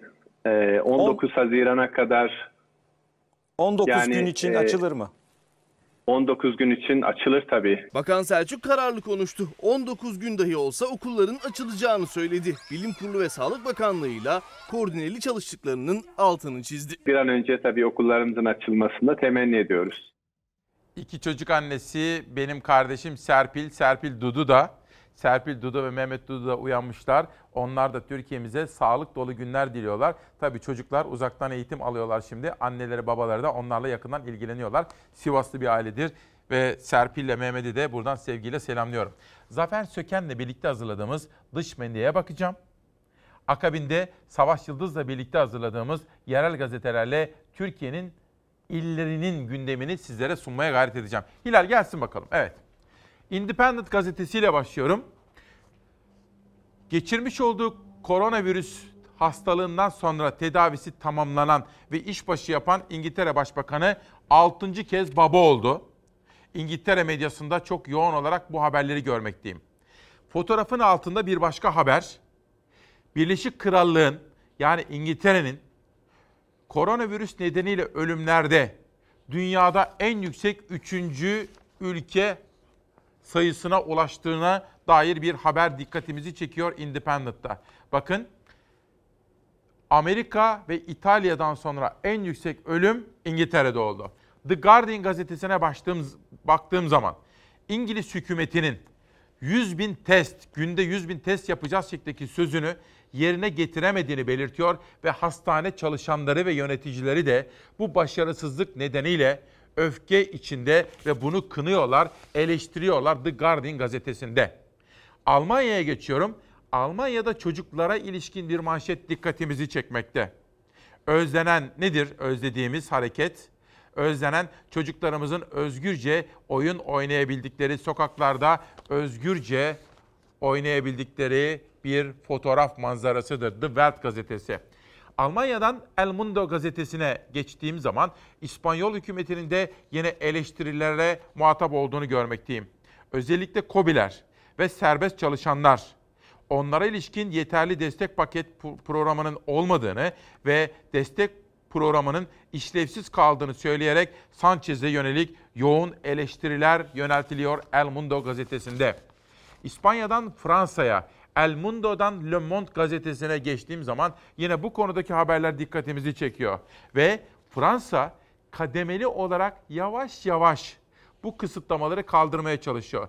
Sayfanın sağ tarafına baktığınız zaman Education Transports diye başlayan bir bölüm var ya bakın orada. Biraz daha dolalım. Evet. Kameraman arkadaşımdan rica edeceğim. İşte Fransa başta eğitim, ulaşım, ticaret ve spor olmak üzere kademeli olarak bu kısıtlamaları kaldırmaya başladı ve bunu planlamasını hayata geçirdi diyor. Financial Times gazetesine geçiyorum. Macaristan koronavirüsü bahane ederek ülkedeki demokratik kazanımları eritiyor mu? Avrupa Birliği'nin yani Avrupa Birliği'nin başkenti Brüksel'in bu konudaki kaygıları ve Macaristan'ı da çok yoğun olarak dikkate aldığını görüyoruz. Özellikle özgürlükler konusunda bir takım kaygılar belirmiş, korkular belirmiş Financial Times gazetesinin haberinde. Dünyadaki gelişmelere bakalım şimdi. Dikkatle takip ediyoruz. Dünya ne yapıyorsa doğruysa biz de yapalım. Dünyanın yapmadıklarını, eksik bıraktıklarını da bizler tamamlayalım. Trump düzenlediği basın toplantısında yine Çin'e hedef aldı. Virüsü dünya yaymakla suçladı. Çin ve Dünya Sağlık Örgütü'ne karşı yapılan soruşturmanın devam ettiğini söyledi. The United States of America has been a long-standing and generous friend to WHO. Bir yandan aşı, bir yandan diğer tedavi yöntemleri için çalışmalar devam ediyor. Artan testlerle vaka sayıları artarken virüse bağlı can kayıpları Amerika'da bugün 61 binden fazla insanı yaşamdan kopardı. Özellikle New York büyük darbe aldı salgından. Hastanelerde sağlık çalışanları da hasta sayısına yetişemedi. Tıbbi malzeme eksikliği gidişatı daha da kötüleştirdi. Trump neredeyse her gün basın toplantısı düzenliyor. Virüsle ve bugün gelinen nokta ile ilgili bilgileri paylaşıyor. Her konuşmasında da Çin'i suçlamayı ihmal etmiyor. Geçtiğimiz hafta Dünya Sağlık Örgütü'nün Çin'le birlikte çalıştığını ve salgını dünyaya birlikte yaydıklarını savundu Amerika Başkanı. Dünya Sağlık Örgütü'ne sağladığı fonu kestiğini ve soruşturma başlattığını duyurdu. Bugün yönetime Dünya Sağlık Örgütü'nün finansmanını durdurma talimatı verirken örgütün virüsün yayılmasındaki hatalı yönetimini tespit etmek için inceleme başlatacağız. Trump'a son basın toplantısında soruşturmanın gidişatı soruldu. Çok kısa sürede sonuç alacaklarını ifade eden Başkan Trump, virüsün dünya yayılmasından Çin'i sorumlu tutmaya devam etti. Neden Çin dışarıya olan uçuşlara izin verdi? Neden kendi ülkesini uçuşlara kapadı? Çin, Wuhan'dan kalkan uçaklar dünyanın her yerine seyahat etti. Çok uzun bir süre Wuhan'dan İtalya'ya uçaklar kalktı. Tüm bunların nedeni neydi sizce? Öte yandan New York Times Amerika'da virüse bağlı can kayıplarının çok daha fazla olduğunu savundu. Sadece New York'ta 1700 kişinin şüpheli ölümünün virüs kaynaklı olabileceğini iddia etti. New York Belediye Başkanı Andrew Cuomo yaşanan can kayıplarının %50 düştüğünü açıklamıştı. Ancak New York'ta cansız bedenlerin soğutucu tırlara yüklendiği görüntüler verilen bilgileri olan güveni sarstı. Bu karşı karşıya kaldığımız salgına ilişkin bunun çevre sorunlarıyla bağlantısını, ilintisini aktaran iki mesaj. Birisi Nesrin Yamaç, o da kız evlatlar yetiştirmiş küçük esnaf. Nesrin Yamaç da, Birgül Esen de doğa katliamları ve ekolojinin tahrip edilmesi sonucu salgınların ve felaketlerin arttığı ortadayken hala da doğanın yok edilmeye çalışılması ve özellikle betona dönüştürmesi anlaşılır gibi değil diyor Birgül Esen. Nesrin Yamaç da doğayı korumalıyız, doğamızı korumalıyız diyor efendim bakın. Ve 2020 büyük kriz, müthiş fırsat, yeni ekonomi Erkan Öz'den çıkan yeni bir kitap. O da bana imzalı gelen kitaplardan birisi bu sabah itibariyle. Bir de yerel gazete manşetleriyle Türkiye'nin gündemine şöyle bir bakalım. Tunceli Emek Gazetesi Güneşin naaşı bulundu manşetiyle çıkmış. Tunceli'de 44 gündür Munzur Nehri ile Uzunçayır Baraj Gölü'nde aranan uzman çavuş Yılmaz Güneş'in naaşı bulundu.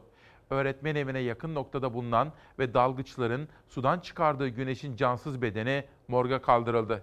Yapılacak otopsinin ardından Yılmaz Güneş'in cenazesinin ailesinin yaşadığı Kahramanmaraş'ın Elbistan ilçesine gönderilmesi bekleniyor. Uzun zamandır aranıyordu ve bulunmuş. Kendisine rahmet, ailesine de sabır diliyoruz. Bu arkadaşımızın, uzman çavuşumuzun. Tunceli'den İzmir'e, Emek Gazetesi'nden Yeni Asır'a geçiyorum. Bizi de kurtarın. 200 tır şoförü Türk, Trieste limanında bekliyor. Türkiye'den Avrupa'ya sefer yapan 200'e yakın tır şoförü koronavirüs salgın nedeniyle İtalya'nın Trieste limanında mahsur kaldı. Bir arkadaşlarını virüs yüzünden kaybeden tır sürücüleri Sayın Cumhurbaşkanımız bizi bu çileden kurtarın diyerek yardım talep etti. Bu çok önemli haber de Kazım Yörükçe imzası taşıyor. Bence de son derece kritik bir çağrı. Oradan Akdeniz'e, Adana'ya geçelim İzmir'den. Adana 5 Ocak gazetesi fikri takibi sürdürüyor. Adana Belediye Başkanı Zeydan Karalar'ın da bu köprünün yapım fikrine ben evet dedim. İsmine sıcak baktım. Hatta benden önceki belediye ödemelerini yapmadı, ben ödemelerini yaptım. Ancak meydana gelen gelişmeler nedeniyle benim maddi gücüm yok. Devlet Adana için çok elzem olan bu köprünün yapımını üstlensin. Ulaştırma Bakanlığı mı yapar, Bayındırlık Bakanlığı mı kim yaparsa yapsın diyor. Ama mutlaka Adana Devlet Bahçeli Köprüsü'ne bunun hizmetine ihtiyacı var diye konuşuyor Zeydan Karalar. Bu sözleri de Sefa Saygı Değer'in manşetiyle imzasıyla 5 Ocak gazetesinin birinci sayfasında haber olarak yer bulmuş efendim. Esin gazetesi Ulaştırma Bakanlığı devreye girebilir. Çünkü devletin imkanları var. Nasıl ki Bursa'da yaptılar. Belediyenin, AK Partili belediyenin oradaki metro çalışmalarını aldılar, desteklediler. Veya veya İstanbul'da hani şehir hastanesi vardı ya. Dolayısıyla oradaki yolu nasıl devlet yaptı? Adana'da da sonuçta Devlet Bahçeli Köprüsü biterse şehir hastanesine oradan çok uygun bir yol yapılmış olacak. Dolayısıyla devlet burada hem de Cumhur İttifakı'nın liderini de memnun edebilirler efendim. Esin gazetesi Hatay'dayım. Belen Belediye Başkanı İbrahim Gül'den alkışlanacak hareket belediyenin arazisini tarıma açtı. Belen'in MHP'li Belediye Başkanı İbrahim Gül, belediyeye ait kullanılmayan arazileri tarıma açtı. İlk etapta 65 dönümlük alana ceviz ağaçları dikildi. Sema Linda Akyüz'ün haberi. Ben de buradan bu belediye başkanını tebrik ediyor ve ülkem adına, Hatay adına teşekkür ediyorum. Diyarbakır'a geldim. Korona pazarı da korona pazarı da vurdu diyor Diyarbakır gazetesi. Sebze fiyatları ikiye katlandı. Diyarbakırlı vatandaşlar günlük ihtiyaçların karşılamak için semt pazarlarının yolunu tutuyor. Pazarda alışveriş yapan vatandaşlar fiyat artışında şikayetçi. Pazar esnafı fiyat artışının sebebini aradaki komisyoncu ve halden kaynaklandığını savunuyor diyor efendim. Oradan hakimiyete geçelim Elazığ'a. Koronavirüs dolayısıyla tarımsal üretimin sıkıntıya girdiği bu günlerde başta Cumhurbaşkanı Erdoğan olmak üzere birçok çevreden gelen üretim seferberliği çağrıları karşılık buluyor mu? CHP Elazığ Milletvekili Gürsel Erol'un Fırat Üniversitesi'ne teklifi yine o araziyi gündeme getirdi ve Gürsel Erol diyor ki ülkemizin tarıma daha fazla önem vermesi gerekiyor ve her bir uygun araziyi ekip dikmeliyiz diyor. Bu konuda devleti de devlete de bir çağrıda bulunuyor CHP Elazığ Milletvekili Gürsel Erol. Oradan Antep'e geçiyorum. Gaziantep Güneş Gazetesi avukatlar ekonomik destek bekliyor. Gaziantep Barosu Cumhurbaşkanlığı Adalet ve Maliye Bakanlığı'na avukatlara yönelik ekonomik destek paket talep etti. Baro Başkanı Bektaş Şarklı 130 bin avukat yargılama faaliyetlerinin durması nedeniyle ciddi bir ekonomik kriz içerisindedir. Tüm avukatlara askeri olarak hakim savcıların ekonomik koşullarına denk olacak şekilde ekonomik destek verilmelidir dedi. Hadi bir de Sivas'a gidelim. Bizim Sivas. Süreci fırsata çevirmeliyiz. Hakan Bakar imzalı bir manşet. Sivas valisi Ayhan hem kültürel anlamda hem de sosyal donatıların hayata geçmesi anlamında içinde bulunduğumuz süreci fırsata çevirelim ve hazırlıklarımızı tamamlayalım dedi. Koronavirüsün getirmiş olduğu sıkıntıları biz eğer fırsata çevirebilirsek buradan artıya dönebiliriz diyor Vali Ayhan Efendi. Peki bir çay hasat haberi var. Oradan dönüşte dünya çapındaki bir dünya çapındaki bir gururumuz, bir yönetmenimizin sağlık çalışanları için çok konuşulacak bir önerisiyle devam edeceğiz. 1 lira vereceğim kilosunu toplayana. 300 kilo toplasın 300 milyon lira alsın gitsin. 100 kilo toplasın 100 lira alsın. Sadece Doğu Karadeniz bölgesinden işçi çalıştırılabileceğine karar verildi. Bu da tabii e, çay hasadı kolay bir iş değil. Daha önce çay hasadı yapmayan e, kişilerin çayı toplaması biraz zor. Çay hasadı yaklaştı, üretici kara kara düşünmeye başladı. Tarla sahipleri günlük 250 lira yevmiyeye bile işçi bulamadı. Herkes bolluk içerisinde değil. Çaya ihtiyacı olan var. Ee, kim gelecek? Toplanamaz o çaylar. Gürcistan'dan gelenler yapıyordu. Şimdi durum vahim yani. Koronavirüs salgını nedeniyle seyahat yasağı getirilince Rize, Trabzon, Artvin ve Giresun'daki çay üreticileri sıkıntıya girdi.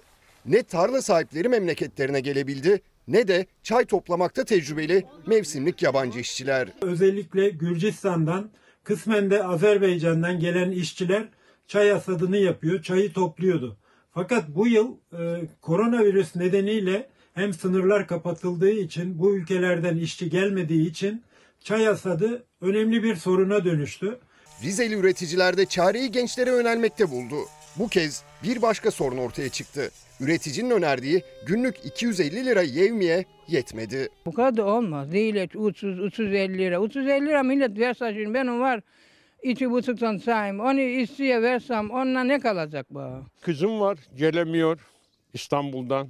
Kardeşlerim var Bursa'da. Çay sen topla diyor ya. Ben iki hanımla ben nasıl toplayacağım bu çayı kardeşim ya? 10 ton çay. Ben 3 ton çay ancak toplarım.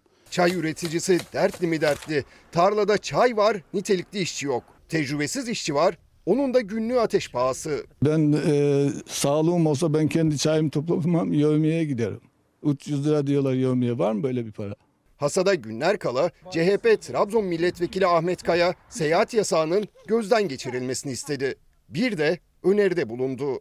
Sayın Cumhurbaşkanı çıktı, açıklama yaptı. Evinizin önündeki bahçeyi bile ekin dikin dedi. Fakat bu seyahat kısıtlaması nedeniyle çayını toplamak için bölgesine gelmek isteyen, büyük şehirlerde yaşayan insanlarımız bölgesine gelemeyecekler. Bu insanlar gelsinler, karantina tedbirleri uygulansın. Hani biz birbirimizi iyi tanıyoruz artık değil mi? Mesela benim kimleri sevdiğimi, kimlerden etkilendiğimi falan biliyorsunuz. Mesela Murat Hammungan'ı, Birhan Keskin'i çok sevdiğimi, ifadelerini, yazılarını, edebi lezzet aldığımı oradan biliyorsunuz. Ya da Ferzan Özpetek'in filmlerinden çok hoşlandığımı biliyorsunuz. Değil mi? Ferzan Özpetek bizim dünya çapındaki yönetmenimiz. Bir öneride bulundu. Kendisi Roma'da, karantina altında, izolasyonda. Kendisiyle birkaç gündür iletişim halindeydik. Biraz sonra, şöyle bir dakika sonra kendisinin sesini sizlere duyuracağım. Bugün şöyle bir gazete çizdik. Tuğba kardeşimiz çizdi. Tuğba Özdavul. Biz ona fikri verdik. Zeray yazılarını gönderdi. Bakın, Beyaz Gömlekler Günü. Aslında Beyaz Önlükler Günü de diyebiliriz. Dünyaca ünlü yönetmenimiz Ferzan Özpetek, sağlık çalışanlar için anlamlı bir çağrıda bulundu. Ferzan Özpetek, İtalya'da ilk koronavirüs teşhisinin konulduğu gün olan 20 Şubat'ı sağlık çalışanlar için Beyaz Gömlekler Günü ilan edilmesini önerdi. Birçok sağlık görevlisinin bu uğurda hayatını kaybettiğini belirtiyor ve aynı zamanda dünya çapında fedakarca görev yapan sağlık çalışanlarını da mutlaka anmamız ve anlamamız, kutlamamız, onlara teşekkür etmemiz gerektiğini söylüyor Ferzan Özpetek. Ben de kendisine sormak istiyorum. Bu anlamlı fikir hakkında birazcık sohbet etmek istiyoruz. Hilal hazır mıyız? Buradan mı? Heh. Ferzan Özpetek günaydın. Günaydın, günaydın. Nasılsınız? Çok teşekkür ediyoruz. Sizler nasılsınız? İyiyiz, iyiyiz. İşte ya artık ikinci ayı geçtik yani evde. Öyle gidiyor iyi bakalım. Ee, Şimdi tam iki aydır evdesiniz değil mi? İki aydır evdeyiz. Ee, 4 Mayıs'ta e, ikinci devreye giriyor İtalya. Çıkış olabiliyor. Bel- Belirli bir şeylere dikkat ederek, aradaki mesafelere dikkat ederek çıkış olabiliyor. Ee, bir sürü insanın çalışmaya ihtiyacı var tabii ki.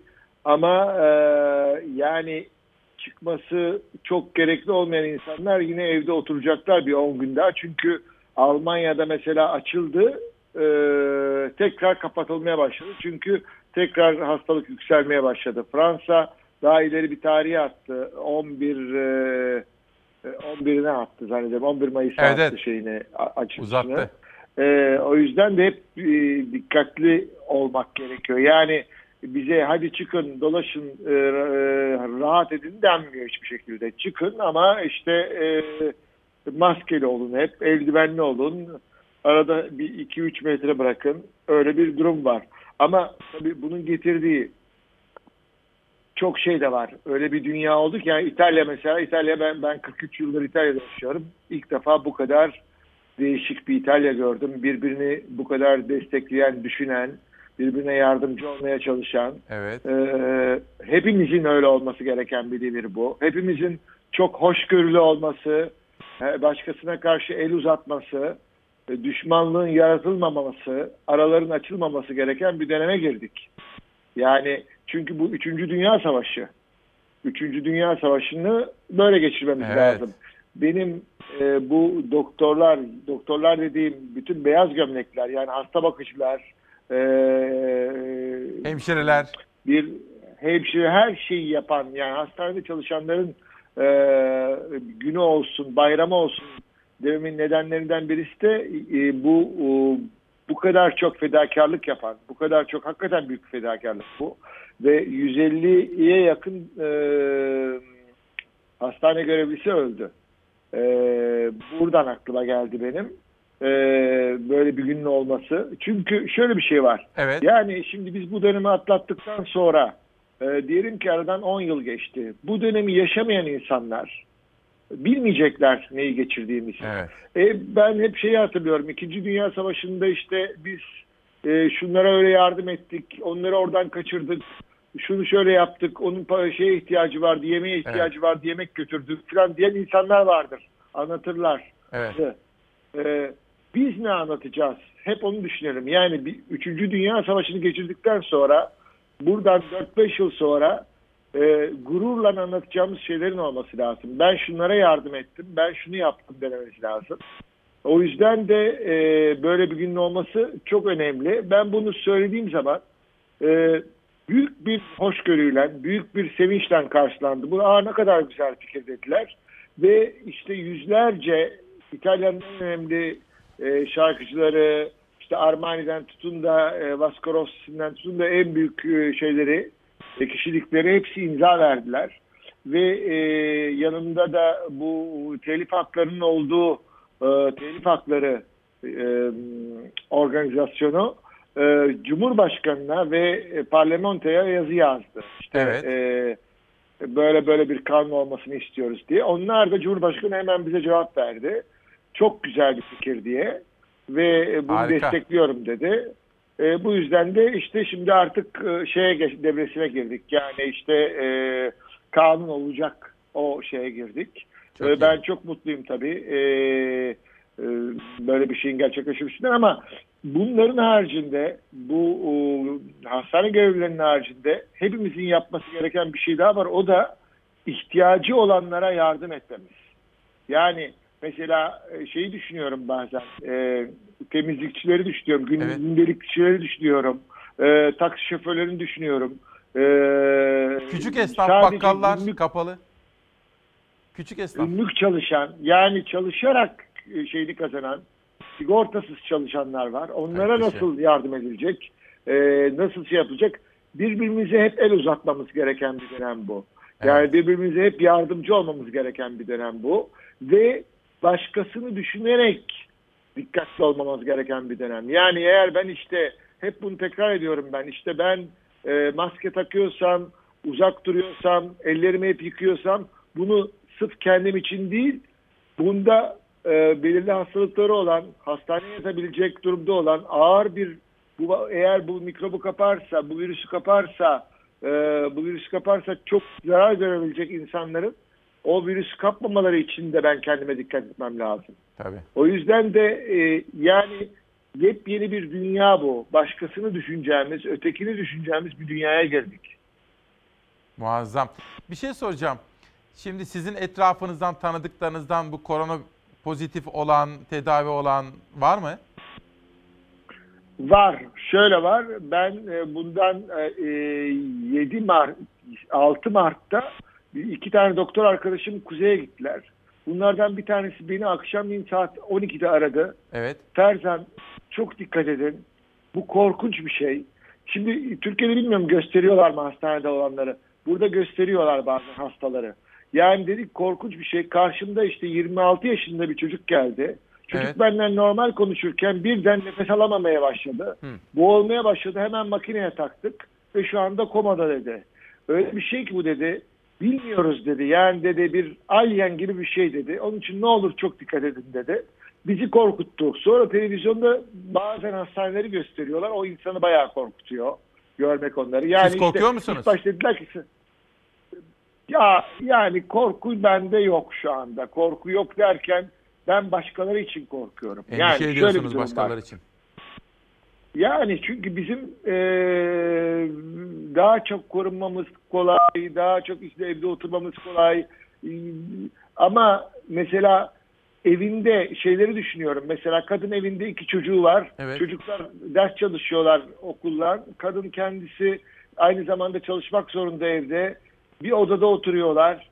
Yani şey geçim sıkıntıları var. Onları düşündükçe ben diyorum ki yani ben şanslıyım benim konuşmam çok kolay işte çıkmayın şunu yapmayın bunu yapmayın demek ama işte çıkmamak lazım, dikkat etmek lazım tabii ki lazım. Bu korku olayının olması bazen geliyor. Yani işte birdenbire e, insan kendinde şeyler de buluyor. İşte diyorsun ki ah ateşim mi çıktı acaba? Ya şuram ağrıyor acaba böyle bir şey olabilir mi? Çünkü öyle olaylar oluyor ki mesela diyorlar hiç simptom olmayan insanlar gidiyor.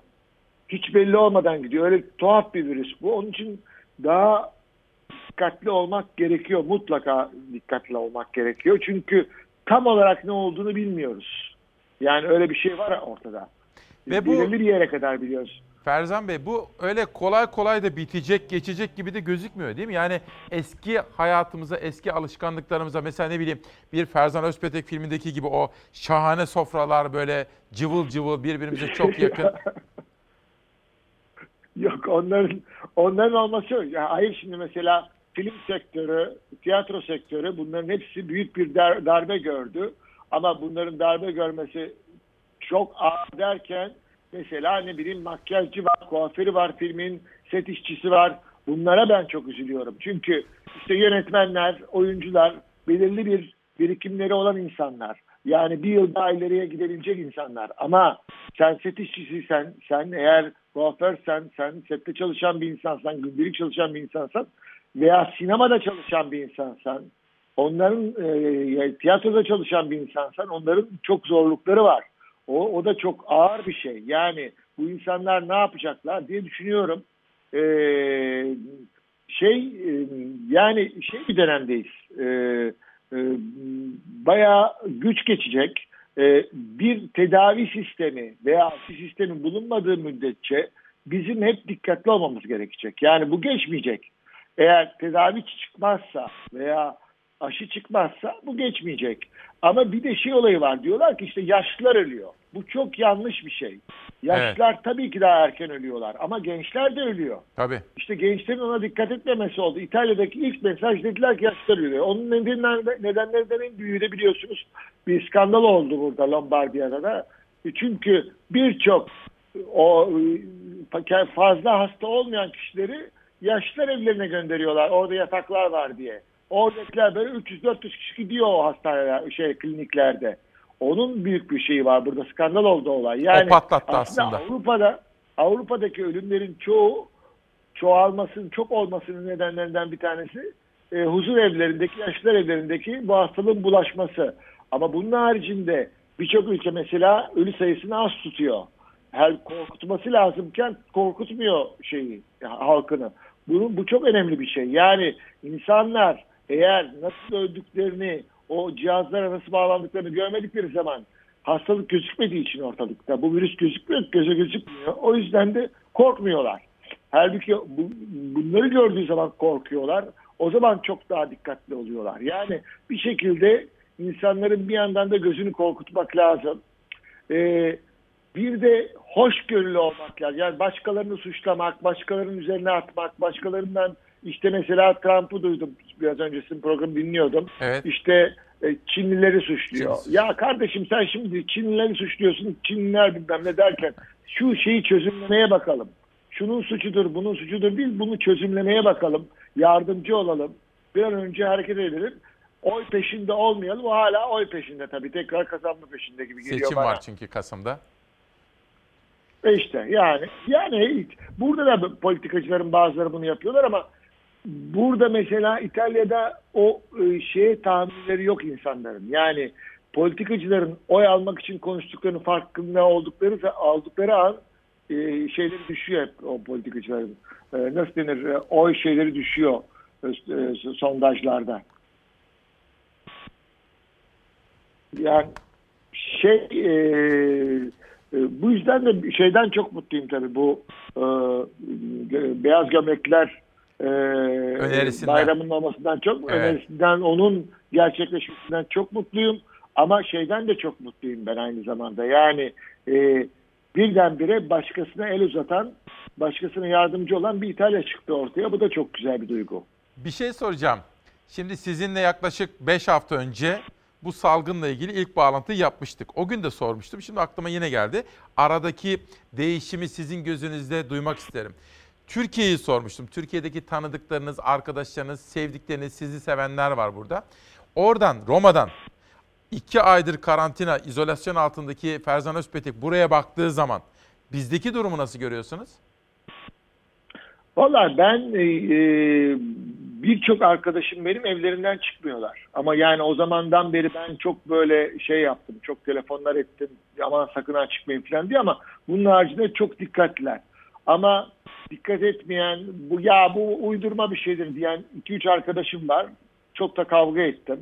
Ya bu uydurma bu ekonomik bir şeydir falan deyip çıkıp dolaşanlar var. Böyle yapanlar vardı. Şimdi dolaşamıyorlar da yani o şeylere girenler var. O tip bir tavır alanlar var. Onları onları duyuyorum, onları görüyorum ama çoğunluk evlerinde oturuyor. Evden çıkmıyorlar, alışverişe dikkat ediyorlar. Mesela abim var, eve giren her şeyi kapıdan alıyor. Paketleri sabunlanıp içeri giriyor falan. Böyle Evet. zaten onlar aşırı evhamlıdır. Önlemleri abim. alıyorlar. O böyle bir çok fazla önlem. Onlar da çok fazla önlem alıyorlar. Yani aşırı derecede önlem alıyorlar ama biz de mesela tuhaf şeyler yapıyoruz. İşte e, bazen gülmem tutuyor benim işte e, içeri girerken eve girerken e, benim bütün yaptığım tek yaptığım şey işte 100 metre ilerideki süpermarkete kuyruğa giriyorsunuz. Orada pencereden bakıyorum ne kadar kuyruk var dışarıda diye işte aralarında üçer metre aralıkla duruyor insanlar. Evet. Bazen azaldığı an hemen iniyorum. 5 dakikada geçip şey yapıyorum. Bir de e, o süpermarketteki e, şarküteriye bakan e, bey arkadaşım ona telefon ediyorum. Diyorum ki bana bana şunları şunları hazırlasana ne olur diyorum. O hazırlıyor. Öyle bir, öyle bir avantajım var. Yolumu buldum o şekilde. Bunun haricinde e, ilk ay tabii herkes çok şişmanladı evde. Çünkü yemekten başka bir şey yapmadık. Siz siz aldınız mı kilo? biraz- Ferzan Bey. ben 4 kilo şişmanladım. Şimdi iniyorum. Ee, evde hatta jimnastik şeyim olmasına rağmen küçük bir jimnastik salonu falan var ama kimden gelmiyor bir şey yapmak. Konsantre olmak çok Tabii zor. insanın Çok modu dizi düşüyor ya. Modu düşüyor. Ee, çok dizi seyrediyorum, çok film seyrediyorum, kitap okumaya çalışıyorum. Bazen kitapa konsantre olamıyorum. Ee, Instagram çok kullanıyorum mesela. Hatta gözlerim bozulacak. Yani Instagram'a işte yemek pişirip Instagram'a yemek şeylerini koyuyorum. Şimdi ondan biraz vazgeçeceğim. Çünkü şeyi düşündüm. Yani ulan yemek evinde öyle yemek yapamayan insanlar vardır. Sen Instagram'a şey koyuyorsun falan diye düşündüm. Evet. Ama e, bir arkadaşım dedim bana dedi ki yani Instagram olan dedi yemeğini de kolay şey yapar dedi bana cevap olarak. Neyse Bir de öğrensin ama yani canım. Yemek yapmayı da öğrensin insanlar. ama yani hani öyle insanlar var ki hakikaten durumları çok bozuk. O yemeği yapamayacak insanlar var. Ha, maddi Bunları, olarak, e, maddi olarak pardon tabii. Ma- maddi olarak var. Onları tabii. diyorum ben. Haklısınız. Yani öyle bir durumdayız ki her insan şey, şey olayı var. Mesela burada çok güzel bir sistem daha var. Bakın o, o güzel Evet, bir şey. nedir? Keşke Türkiye'de yapılsa o.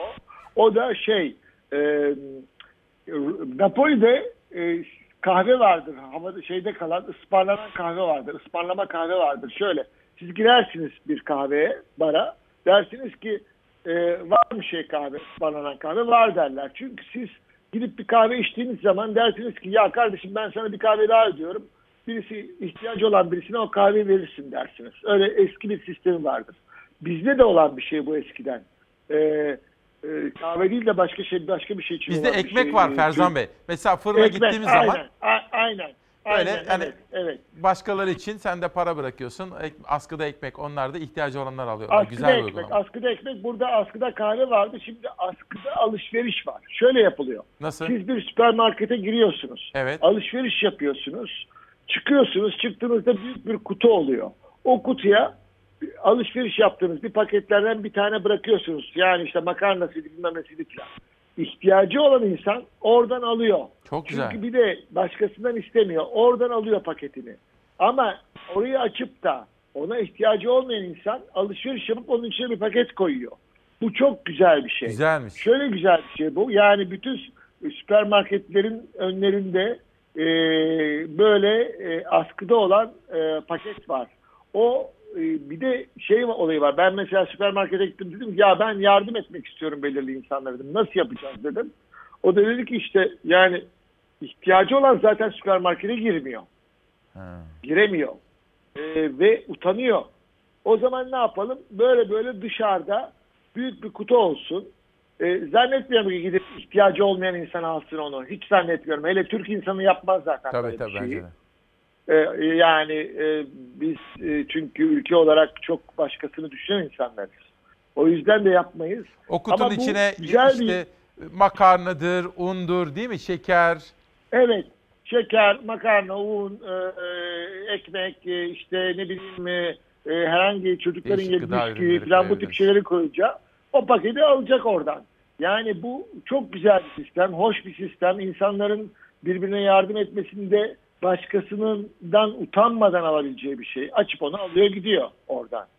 Yani bu bunun yapılması çok güzel olur. bunu biz de yani bunu aslında süper ya, tabii yaparız. Rahat rahat yaparız. Yani sen alışverişe gidiyorsun. Alışveriş yaptıktan sonra da bir pakette öyle bir şey alıp dışarıda ama o süpermarketin kuracağı bir yer olması lazım. Onun kapağını açıp oradan içeriden alıp Alacak. gidecek insanların olması lazım. Çok iyi. Çok E, iyi. bunu e, Türkiye'de bunu e, rahat rahat yapılabilir. E, durumu iyi olan insanın başka yani biz zaten o devreye girdik. Kimi kimin varsa var olan olmayana verecek. Öyle bir dönemdeyiz biz şu anda. Bir şey soracağım size. Biraz evvel dediniz ki Buyurun. dizi izliyorum işte e, kitaba çok konsantre olamıyorum dediniz. Geçenlerde yanlış hatırlamıyorsam Biran Keskin de böyle bir paylaşım yapmıştı. Dedi ki oku, bir kitaba do- dalamıyorum, konsantre olamıyorum demişti. Mesela ne izliyorsunuz? Dizi ne izliyorsunuz Ferzan Bey? Ya Ozark diye bir dizi izledim Netflix'te. Çok hoşuma gitti Ozark. İlk başta böyle giremedim içine ama sonra 3 mevsim onu çok şey izledim. E, Fauda diye bir şey izliyorum. Filistinlilerle İsrailler arasında bir şey. Böyle çok heyecanlı. O da 3 mevsim. E, eski Fellini filmleri seyrediyorum. E, Ha, Bellini bu- filmleri. Hı, Klasiklere döndünüz. Fellini filmleri var. İşte eski filmlere bakıyorum. Ee, ye- yeni yeni şeyler çıkıyor. Bir de şimdi burada şey sistemi var. Ee, yani e, sinemalara çıkamayacak olan filmler e, satılıyor şeyde televizyonda.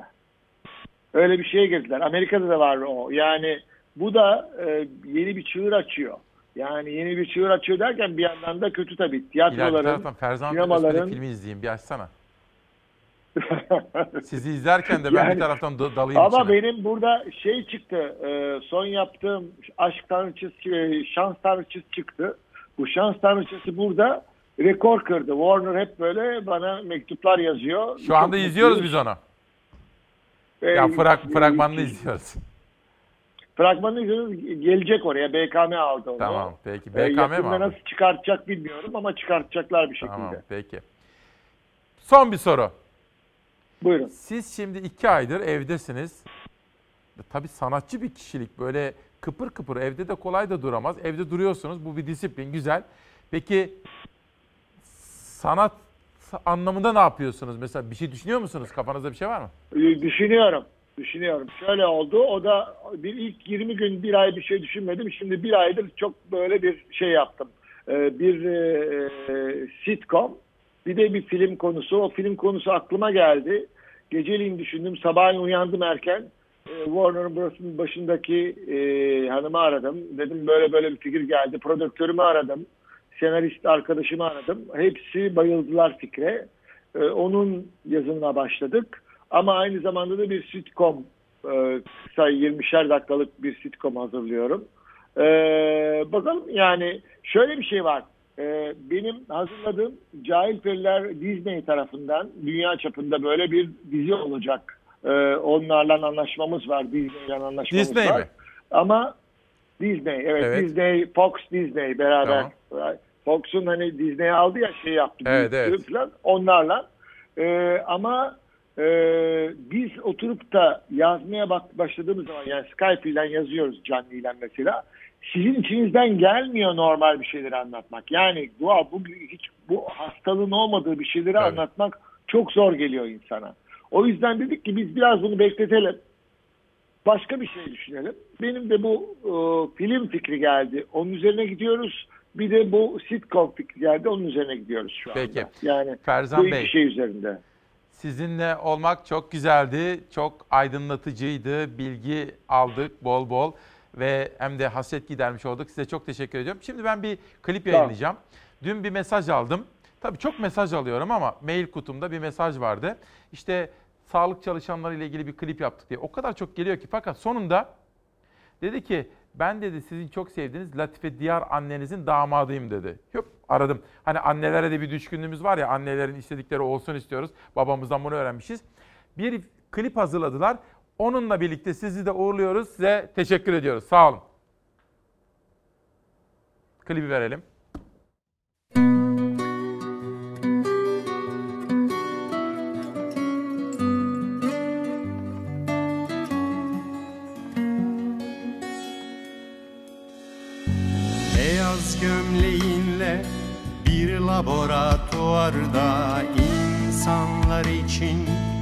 Ölebileceksin.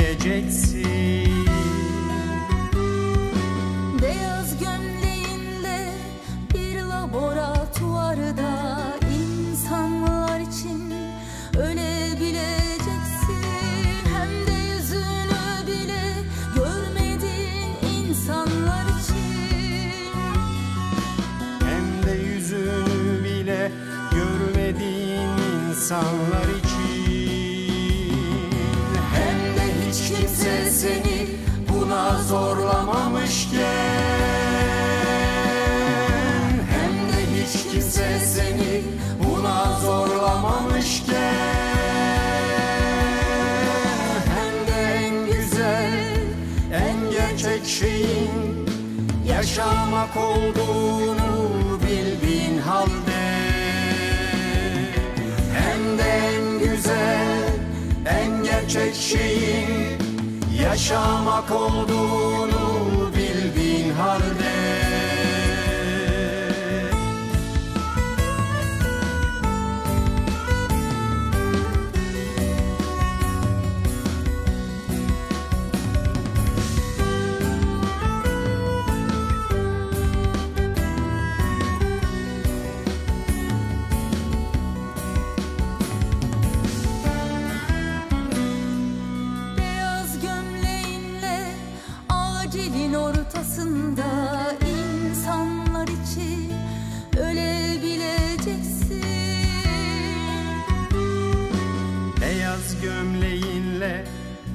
hastane odasında umudun adı olabileceksin. Yüzünde o umudu arayan tüm insanlar için. Yüzünde o umudu arayan tüm insanlar için. Hem de hiç kimse seni buna zorlamamışken kimse seni buna zorlamamışken Hem de en güzel, en gerçek şeyin yaşamak olduğunu bildiğin halde. Hem de en güzel, en gerçek şeyin yaşamak olduğunu bildiğin halde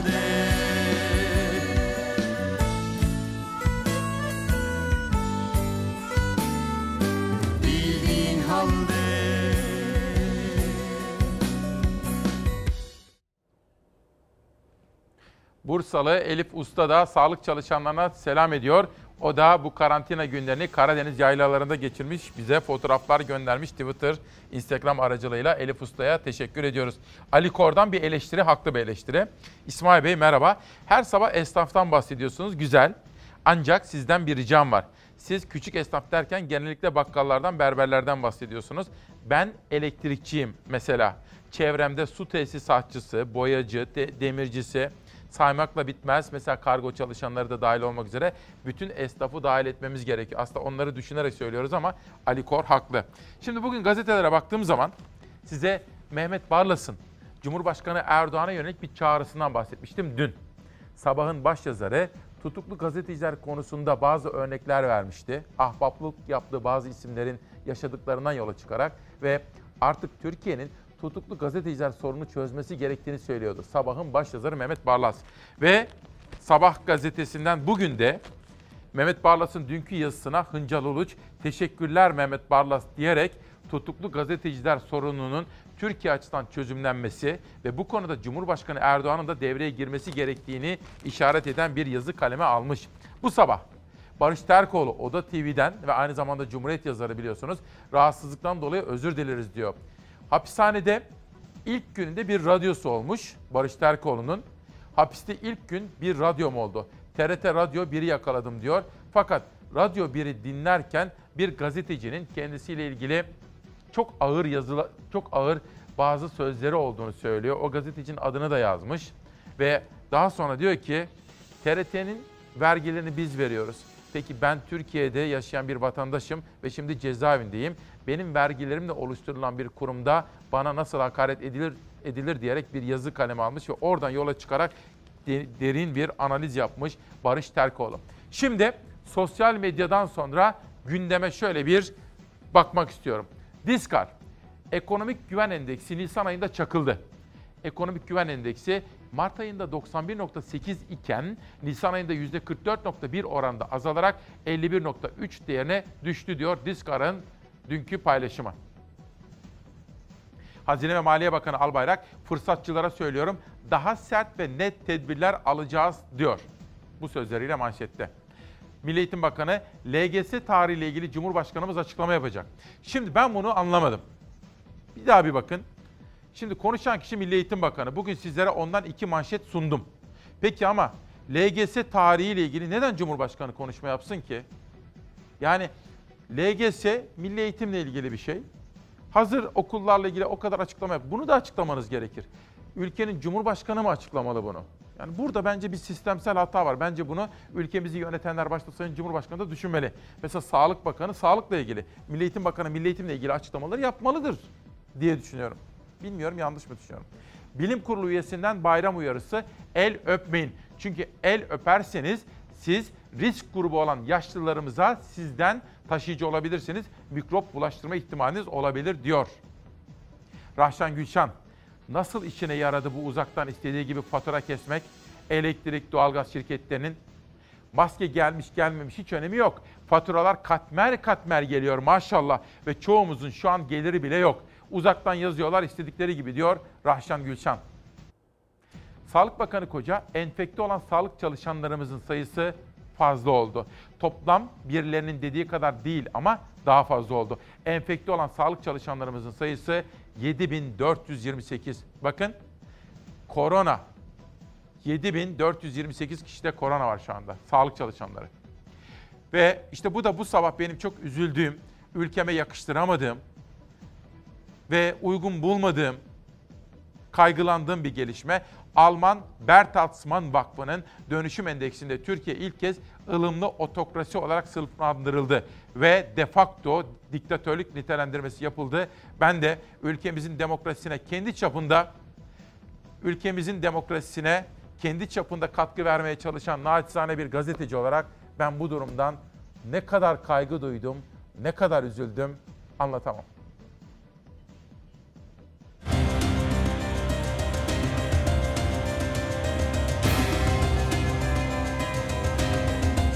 Türkiye siyasetinde yeni bir dönem başladı, demokrasi zarar gördü, parlamenter sistemin yerine güçlü bir cumhurbaşkanıyla yeni bir başkanlık sistemi geldi.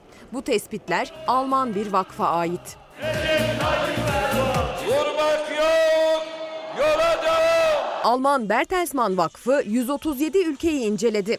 Demokratik, ekonomik ve devletin temel işlevlerini yerine getirme başlıkları altında bir araştırma yapıldı.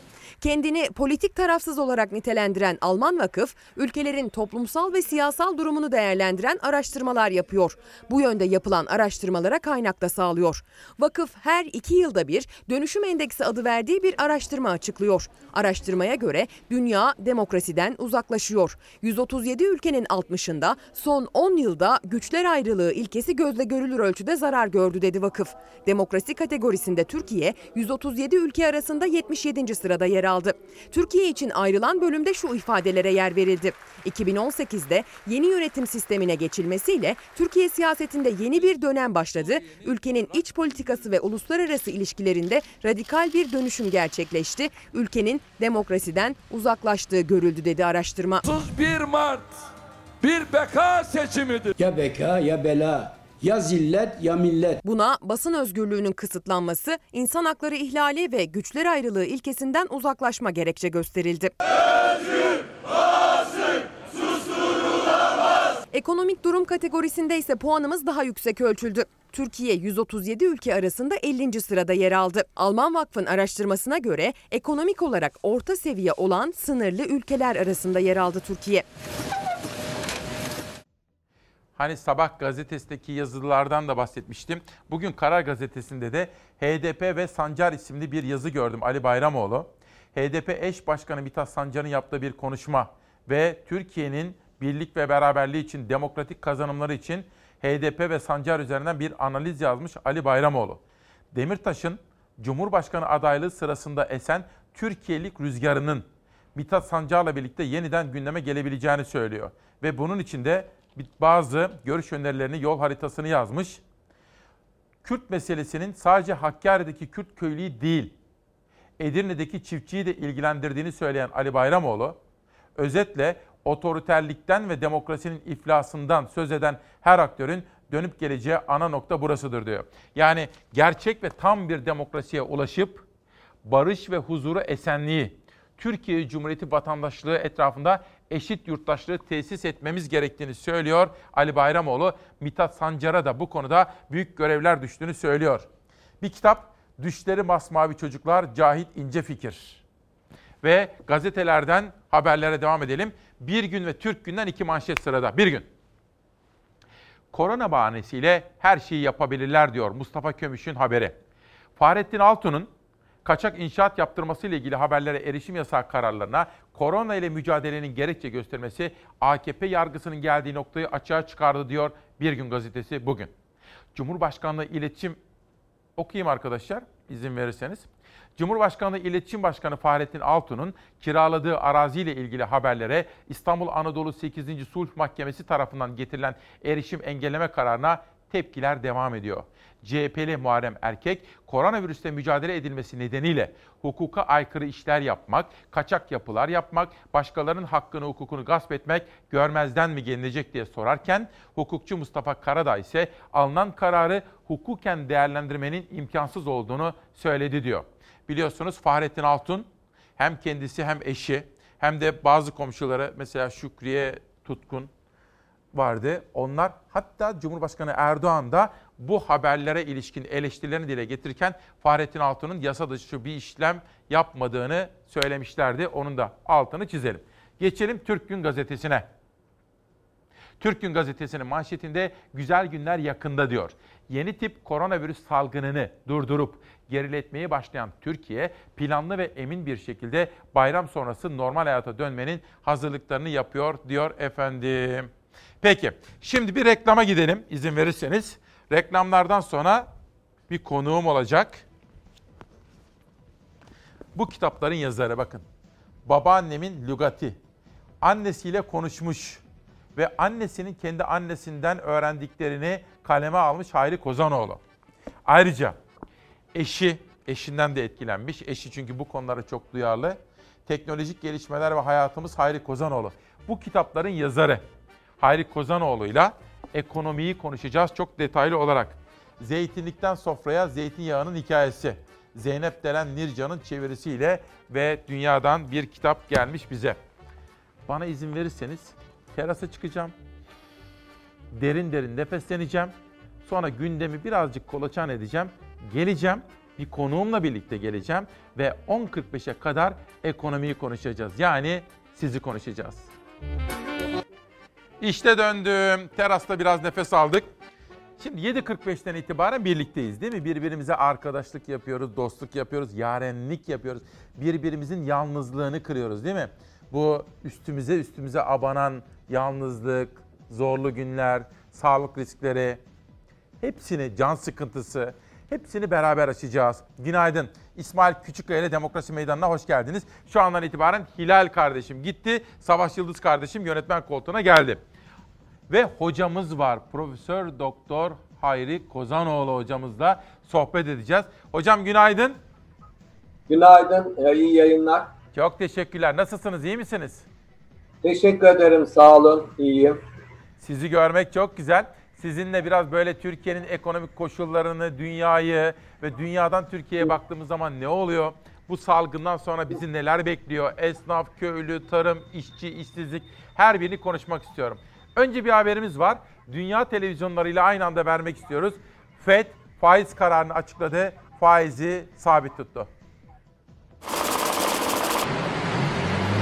Amerikan Merkez Bankası Fed faiz kararını açıkladı. Politika faizini değiştirmeme kararı aldı. Fed'in kararı sonrası dolarda gevşeme yaşandı. 7 lirayı test eden dolar 6 lira 95 kuruşa geriledi.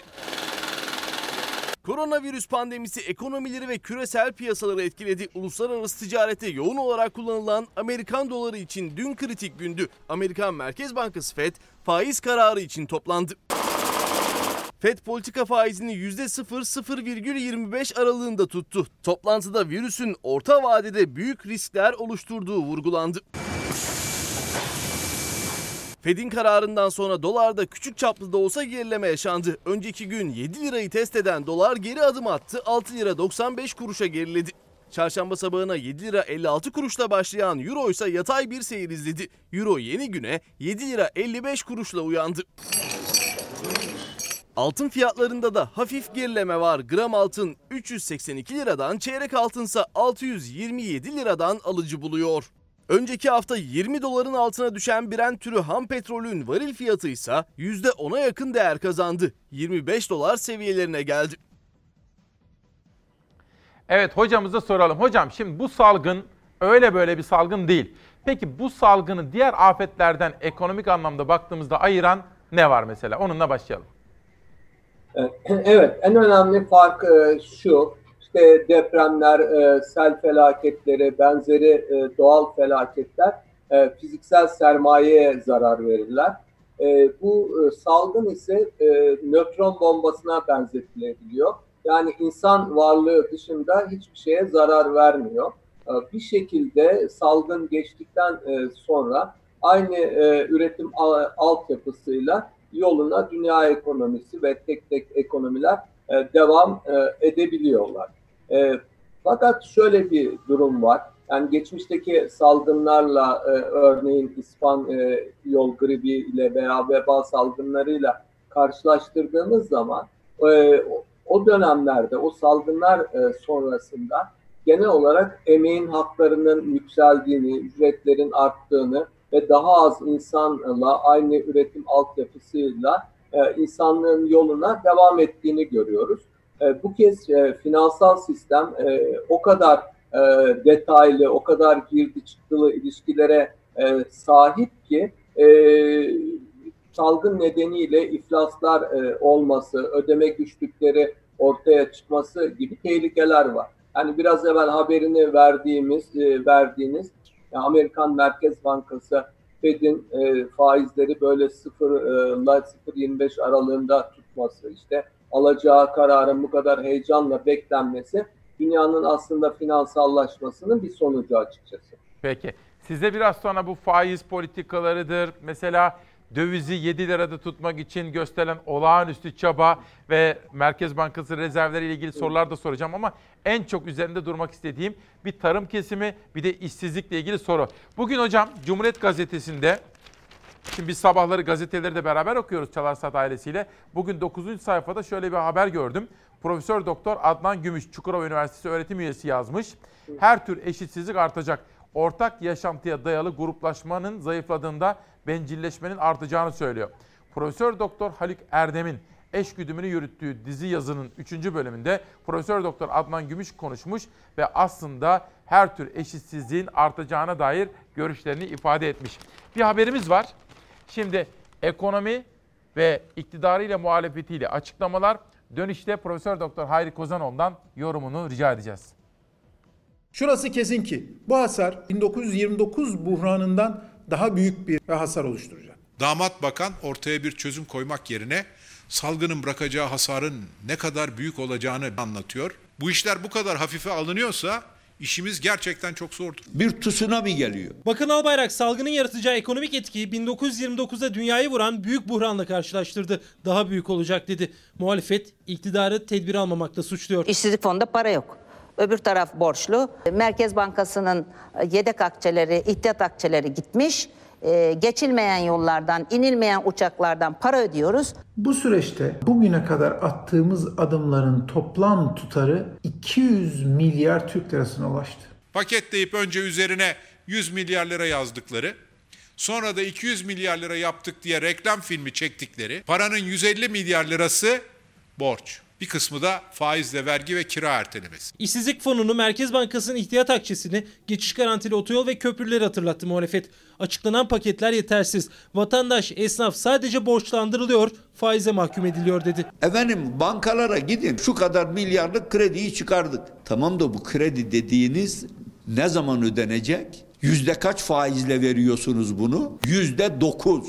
Esnaf bunu yarın ödeyemez. Para basıldı. Peki bu o, nereye gitti? Bu da belli değil. Silinen vergi borçlarını biliyoruz yakın tarihte. Kamu bankalarımız tüm imkanlarıyla vatandaşlarımızın yanında dururken. Beyefendi sanki ekonomiden sorumlu bakan değil, kamu bankalarının reklam yüzü. Gelirinden olmuş millete borç verip yarınki gelini harcatmak nasıl bir akıldır? Bu borçlar yarın neyle ödenecek? TÜİK'in açıkladığı Nisan ayı güven endeksi de gündemindeydi muhalefetin. Mart ayında 91,8'di güven endeksi, Nisan ayında 51,3'e düştü. Bugüne kadar gördüğümüz en düşük seviyede güven endeksi. Durum son derece ciddidir. Gerekli önlemler bir an önce alınmalıdır. Eleştirilerin hedefindeki Bakan Albayrak'ın hedefinde ise fırsatçılar diye tabir ettiği salgın döneminde fahiş fiyat artışı yapanlar vardı. Ben buradan bu fırsatçılara şunu söylüyorum. Şu Covid süreci, şu yoğunluk, sokağa çıkma yasakları bir normalleşme süreci başlasın. Bakanlığım adına söylüyorum. Bu defa bunlara gayet sert bir süreç oluşturacağız. İnşallah adımlar atacağız. Şimdi Profesör Doktor Hayri Kozanoğlu hocamıza soralım. Hocam iktidar böyle diyor, muhalefet böyle söylüyor. Sizler piyasalara bakıyorsunuz iktisatçı gözlüğüyle, finans açısından bakıyorsunuz, risk değerlendirmelerine bakıyorsunuz. Fakat ortaya şöyle bir durum çıkıyor. Büyük bir salgınla karşı karşıyayız. Hem ulusal hem de uluslararası boyutları var ve etkileri var. Geniş bir işsizlik sorunu yaratacak ve açıklanan paketler yeterli yeter, yetersiz diye çok tartışılıyor. Sizin yorumunuz nedir? E, şimdi şöyle, e, ekonomiyi yönetenlerin e, tutarlı mesajlar vermesi çok çok önemlidir. Şimdi Hazine ve Maliye Bakanı'nın e, e, son değerlendirmesi doğru. Yani gerçekten insanlığın şimdiye kadar karşılaştığı en derin krizlerden e, birisi. Bütün ülkeler etkileniyor. Ama e, aynı e, Hazine ve Maliye Bakanı e, bütün dünya e, salgını konuşurken ekonomilerin nasıl etkileneceği üzerine kafa yorarken biz hedeflerimizden şaşmayacağız. İşte yüzde beş büyüme hedefimiz aynen devam edecek şeklinde mesajlar e, veriyordu. Yani bu da e, öngörünün yetersiz olduğunu e, gösteriyor. Çünkü bütün belirtiler ki bu mesajlar verildiği zaman işte Türkiye'de de lokantalar, kafeler, sinemalar, birçok e, hizmet sektöründeki özellikle işletmeler kapanmıştı. Yani e, gelen e, tehlike e, açık bir şekilde e, ortadaydı. E, şimdi e, dünyada da baktığımız e, zaman e, gerçekten e, olayın e, ciddiyetine, vehametine uygun adımlar atıldığını e, görüyoruz.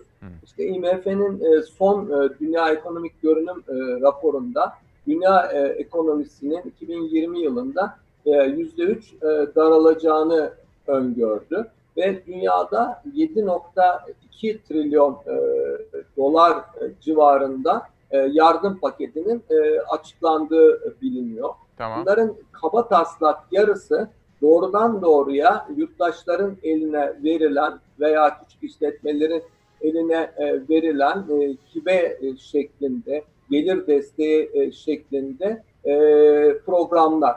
Yani Türkiye'de baktığımız e, zaman e, bu rakamların alt kırılımlarını göremiyoruz. İşte Hazine ve Maliye Bakanı, Cumhurbaşkanı da aynı e, rakamı veriyor. 200 milyar lira civarında paket açıkladıklarını söylüyor. Şimdi baktığımız zaman bunun çok sınırlı e, bir e, kısmının e, yurttaşlara doğrudan doğruya gelir desteği şeklinde gideceğini görüyoruz. Şöyle kaba taslak rakamlar verilirse Evet. kısa çalışma ödeneği ve ücretsiz izin kaleminden 3 ayda yaklaşık 28 milyar TL'lik bir nakit çıkışı gerekeceği anlaşılıyor. İşte yurttaşlara biner liralık gelir desteği. Bu Evet. da e, ilk e, aşamada 2.1 milyon yurttaşa, sonra 2.3 milyon yurttaşa verildiği açıklandı. Üçüncü partide ise e, 4 milyonun üzerinde yurttaşın başvurduğu söylendi. E, bunu eklediğimiz zaman 38 milyar ediyor. Bir de e, e, benzer kategoride emekli maaşlarının en az e, 1500 liraya yükseltilmesi uygulaması var. Bu da doğru bir uygulama. E, buradaki rakamın ne olacağını ölçmesi çok kolay değil ama yani 2 milyar civarı bir rakam tahmin etmek e, mümkün. Böylelikle 40 milyara ulaşıyor. Geri kalanı e, söylendiği gibi borçların ertelenmesi şeklinde işte bir kısım primlerin alınmaması şeklinde bunların etkisi ekonomide bir sınırlı olur.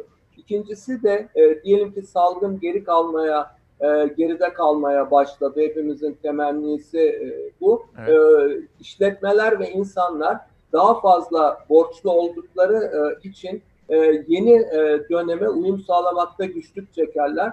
Özellikle ekonomiye talep yönünden e, olumsuz bir şekilde etkisi olur. Neden? Peki. Çünkü borçlarını ödemeyle e, meşgul olan insanlar daha az para harcarlar. Şimdi bu yaptığınız durum tespiti. Peki ne yapmalı? Şimdi e, ben size şöyle bir örnek e, vereyim. E, Ben kamucu, işte soldan emekten yana bir akademisyen olarak kendi görüşlerimi söyleyebilirim. Söyleyeceğim de zaten. Ama örneğin Financial Times gibi işte İngiliz, İngiltere kökenli ama dünya ekonomisini yakından izleyenlerin bildiği, özellikle iş çevrelerinin e, çıkarlarını ve taleplerini e, yansıtan bir gazete e, bile artık eğitimin, sağlığın, altyapının kamusal olarak verilmesi gerektiğini, bu politikaların tekrar gözden geçirilmesinde yarar olduğunu vurguladı ve servet vergisi, yurttaşlık ödemesi veya temel gelir ödemesi gibi programların artık ciddi bir şekilde ele alınmasında e, yarar olduğunu söyledi. Gönüllülük E, esası değil mi? Gönüllülük esasıyla. Yani şöyle gönüllülük e, temel gön- tabii ki e, dayanışma e, böyle dönemlerde e, önemlidir. İnsanların Evet. süreçten yaşamı ve çıkarı daha fazla zarar gören insanlara elini uzatması. Ama bunun böyle e, hayır hasenat mekanizmalarıyla değil de e, kamu programlarıyla gerçekleştirilmesi daha doğrudur. Şimdi Peki. temel gelir ödemesi şudur. Her yurttaşa e, e, cinsiyetine, işçi mi, işsiz mi, mesleği e, nedir buna bakılmaksızın, konumuna bakılmaksızın e, e, her ay e, veya belli periyotlarla bir e, para ödenmesi.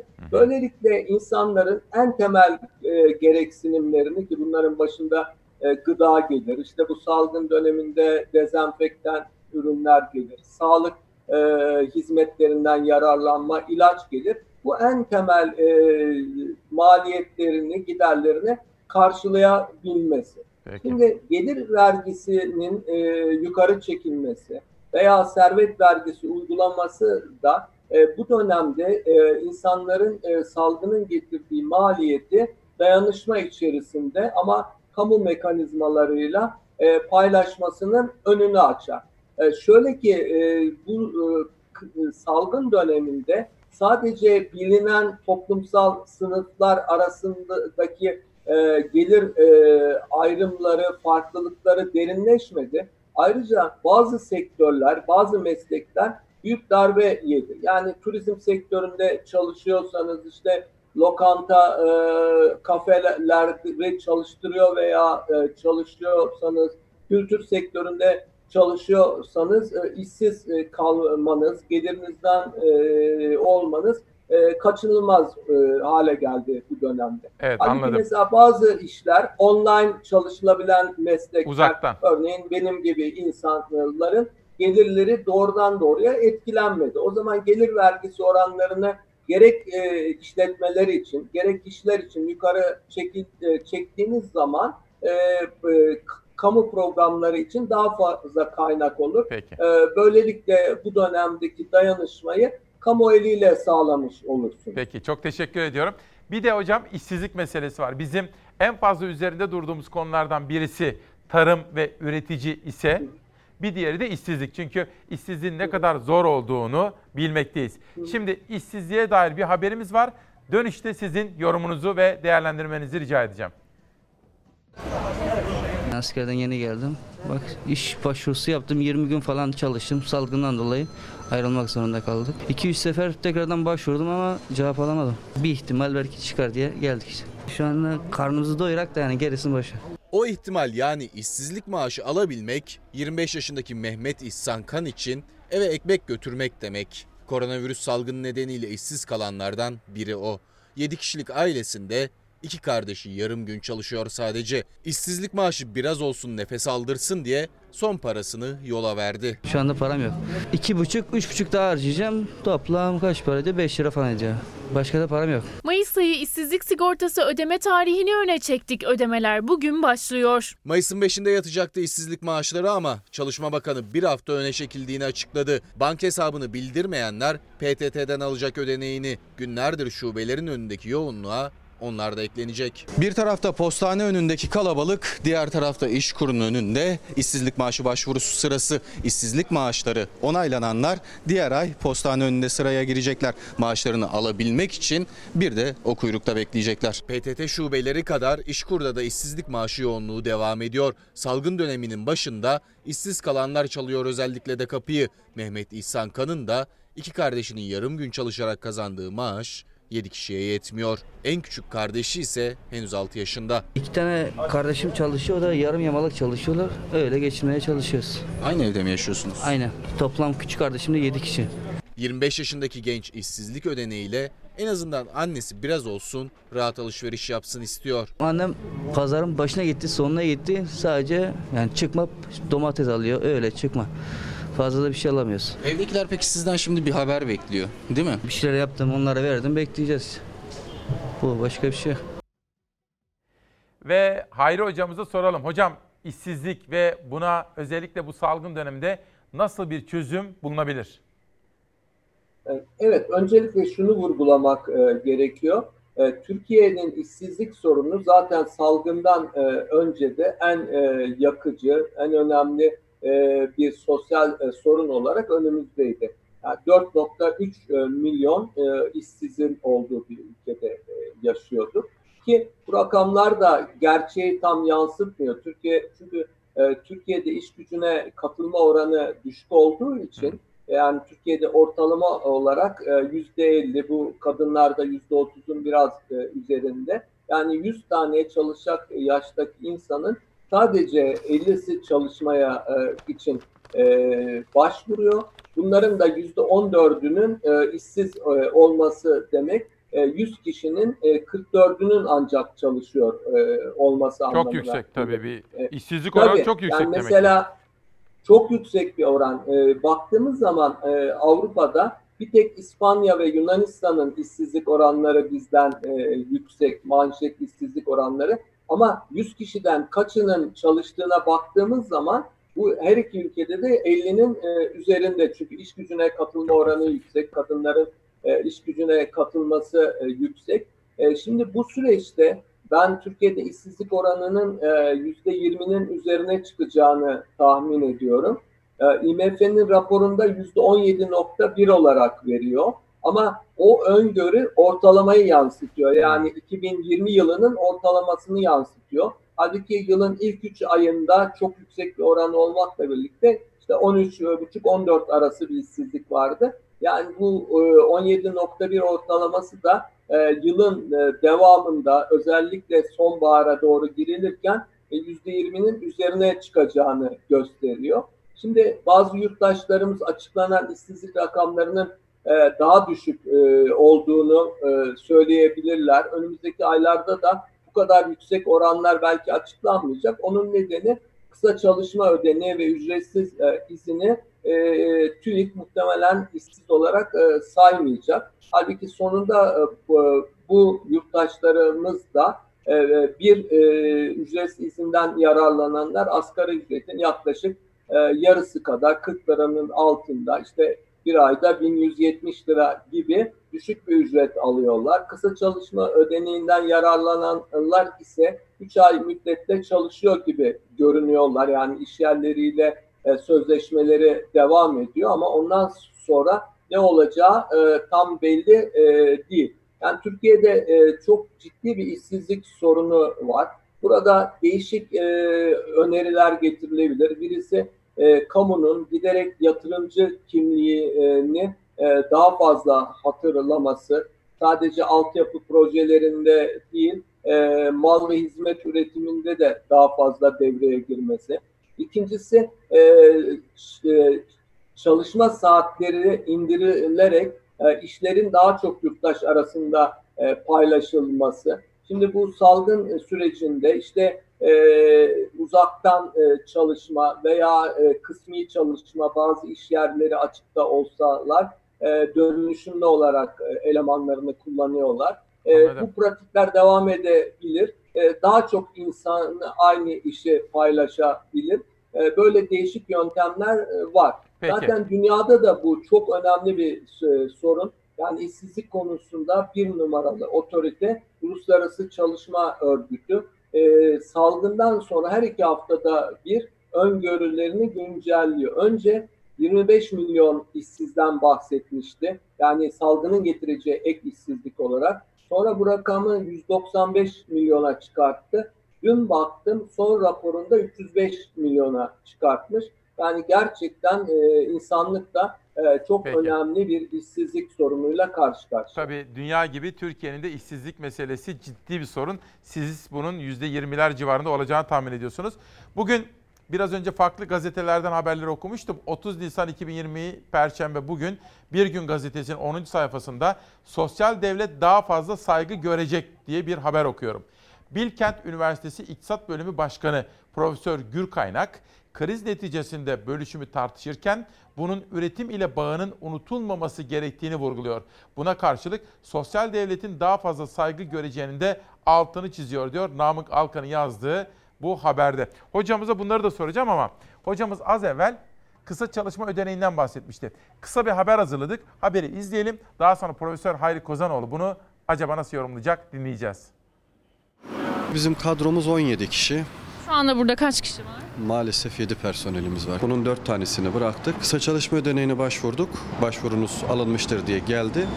Ama onunla ilgili herhangi bir ödeme yapılmadı henüz. Aradan geçen 40 günde 3 personeli daha eksildi bu tatlıcı dükkanının. Ama henüz ne kısa çalışma ödeneği ne de ücretsiz izin maaşı alabildiler. Sadece bir dükkanda 13 aile günlerdir bir geliri olmadan masraflarıyla mücadele ediyor. Burası bir tatlıcı.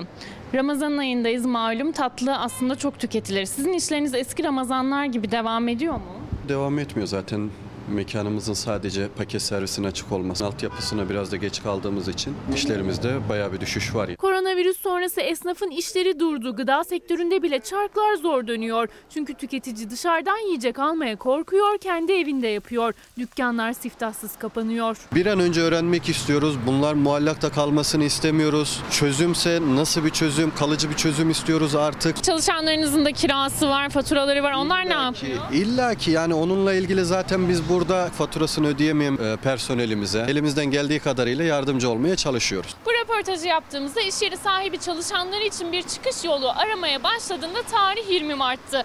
O zaman da karşısındaki ilk seçenek kısa çalışma ödeneğiydi. Bugün de öyle. Ama aradan geçen 40 günde hala çalışanları için bir ödeme yapılmadı. Şu anda sonuç bekliyorlar evet. Bununla ilgili zaten çok telefonlar alıyoruz personelimizden. Ne zaman sonuçlanacak? 13 çalışan için kısa çalışma ödeneğine sonuç çıkmadı hala. 3 milyondan fazla kişinin başvurduğu kısa çalışma ödeneği şartlarını sağlayanlar 1598 lira ile 4380 lira arasında maaş alıyor. Sağlayamayanlarsa 1177 lira ücretsiz izin maaşıyla geçinmeye uğraşacak. Olması gereken e, bütün işçilerin bir gün dahi prim ödemiş olsa bütün işçilerin kısa çalışma ödeneğinden bu salgın süresince yararlanmasının olanakları sağlanmalıdır. Disk de taleplerini Çalışma Bakanlığı'na iletti. Tüm çalışanlar kısa çalışma ödeneğinden faydalanabilsin dedi. İşsizlik fonu kaynağının işçilere açılmasını talep etti. Bu süreçte işsizlik sigortası fonundaki bütün kaynağın işçilerin işini ve gelirini güvence altına alacak biçimde kullanılması gereklidir. Bakalım hocamız bütün bu gelişmeleri nasıl değerlendirecek? Tabii bir taraftan IMF tartışmaları var. Bir taraftan Merkez Bankası'nın rezervleri doları baskılamak için kullanılıyor diyen çok sayıda iktisatçı var. Mesela Mafi Eğilmez onlardan biri, Uğur Gürses bunlardan biri. Hocam siz sizde, söz sizde yorumunuzu merak ediyorum. Şimdi e, az evvel işletme sahibi tatlıcı arkadaşımızın e, şikayeti kendi açısından e, haklı.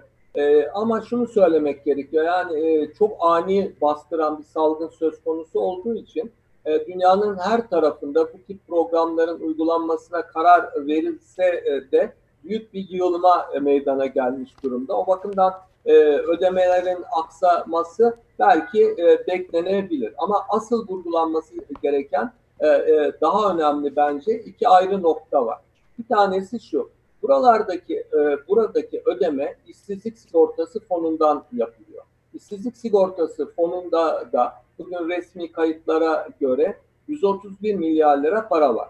Bu para da işçilerden ve e, işverenlerden zaman içerisinde kesilen e, bu zor günler için ayrılan bir para. Yani burada hükümetin, Cumhurbaşkanlığı sisteminin vatandaşlara bir e, ihsanda bulunması söz konusu değil. Bu amaç için ayrılmış e, paranın e, bu amaç doğrultusunda kullanılması. E, birinci önemli nokta bence bu. İkinci önemli nokta da e, şu, e, bu program için başvuruda bulunamayan çok sayıda kayıt dışı çalışan var.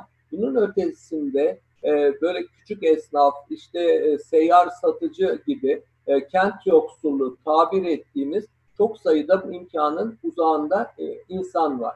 E, örne, e, ben e, dün e, biraz havada e, güzeldi. Asfaltla da e, bu yaş sınırına takılmadığım için e, yürüyüşe çıktım. Gerçekten bu seyyar satıcıların durumu içler acısı. İşte bir bıçak bileyicisi önüme çıktı. E, böyle insanların hijyenik anlamda e, çok titiz davrandığı, birbirinden uzak durduğu bir yerde onun iş yapması pek mümkün değil.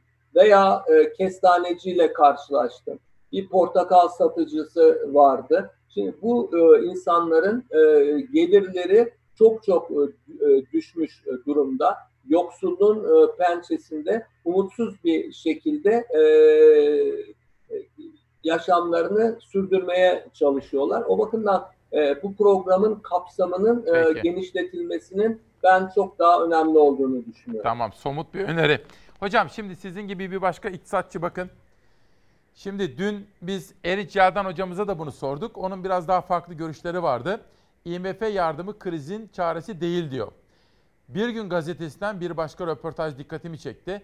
Bakırçay Üniversitesi İktisat Bölümü Başkanı Profesör Sacit Hadi Akdede IMF yardımının krizin çözümü olmadığını ifade ediyor.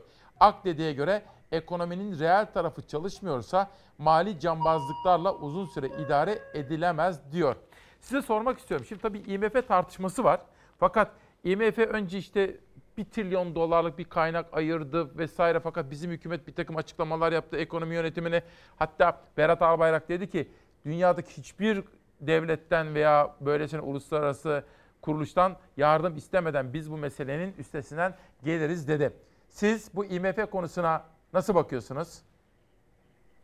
E, evet yani böyle hiçbir uluslararası kuruluştan e, yardım kabul etmeyi söylemi zaten e, doğru bir söylem olmadığını Dünya Bankası Türkiye'ye 100 milyon dolarlık bir kredi açtı. Türkiye'de bunu reddetmedi. O açıdan zaten uygulama kendini tekzip etmiş oldu.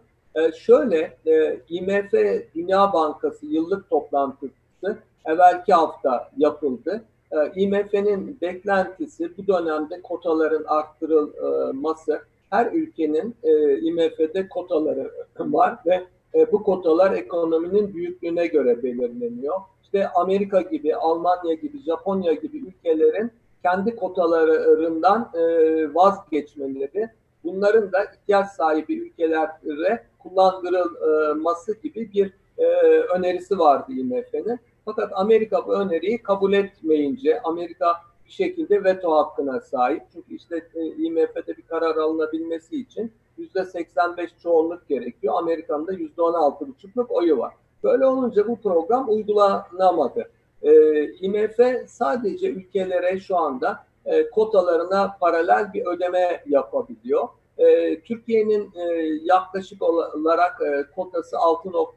4 e, milyar dolar. Bunun %150'si ise 9.6 milyar dolarlık bir imkan görünüyor. Ama e, bütün ülkeler IMF'ye başvurdukları e, için ve IMF'nin elindeki şu andaki kaynak 250 milyar dolar. Yani Türkiye buna başvursa 3-4 milyar dolardan fazla bir para alması söz konusu değil. Onun için yani zaten e, IMF'nin e, Türkiye kabul etse dahi e, IMF'nin e, Türkiye'ye yönelik olarak e, bir olanak sunması e, söz konusu değil. Şimdi anladım. Yani böyle hani Arjantin, Brezilya zamanında yararlandı. Hatta biz de geçmişte almıştık. Böyle 30 milyar dolar, 40 milyar dolarlık bir kaynak yok diyorsunuz. Bu da enteresan.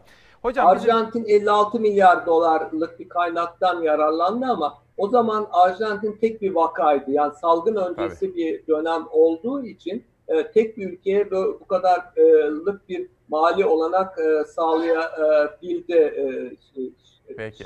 Kapı çalıyor da kusura bakmayın böyle. Yok yok rica ederim. Şekilde. Hocam bir de şimdi bizim biz İsmail Küçükkaya ile Çalarsat ailesi olarak en fazla önem verdiğimiz konulardan biri hem çevre haberleri hem de tarım haberleri. Bir haberimiz var. Haberimizi izleyelim. Bir de tarıma ilişkin yorumunuzu merak ediyoruz. Bir yandan üretici ben ürünümü satamıyorum, işte sıkıntı yaşıyorum diyor. Bir tarafta talep var. Burada bir beceriksizlik var o zaman. Üreticinin elindeki ürünü iç piyasaya olsun, ihracatı olsun yönlendirmemiz gerekiyor. Tarım yazarı Ali Ekber Yıldırım, üretmek yetmez, üreticinin ürününü iç ve dış piyasaya yönlendirebilmek gerek dedi. Kabine toplantısından sonra açıklama yapan Cumhurbaşkanı Erdoğan ise çiftçilere yapılan desteğin altını çizdi. Çiftçilerimizin Mayıs ve Haziran aylarında vadesi gelecek Ziraat Bankası ve tarım kredi kooperatiflerine olan hazine destekli kredi geri ödemelerini de faizsiz olarak 6 ay erteliyoruz. Koronavirüs önlemleri kapsamında çiftçinin hazine destekli kredisi 6 ay erteleniyor. Ecri misil ödemeleri ise 3 ay. İsmail Küçükkaya ile Çalar Saat'e konuk olan Ali Ekber Yıldırım, çiftçi desteğinin çeşitlenmesi ve artması gerektiğini söyledi. Çevre ve Şehircilik Bakanı Murat Kurum, koronavirüste mücadele kapsamında çiftçilerin yanında olduklarını belirtti. Kurum bu konuda bir dizi ek tedbirleri hayata geçirdiklerini söyledi. Borçları 3 ay erteliyoruz dedi. Şimdi Ali Ekber Bey'e sözü bırakalım. Buyurun. Çevre ve Şehircilik Bakanı Sayın Kürüm'ün yaptığı açıklamada hazine arazileriyle ilgili ecri misil ödemeleri 3 ay ertelendi.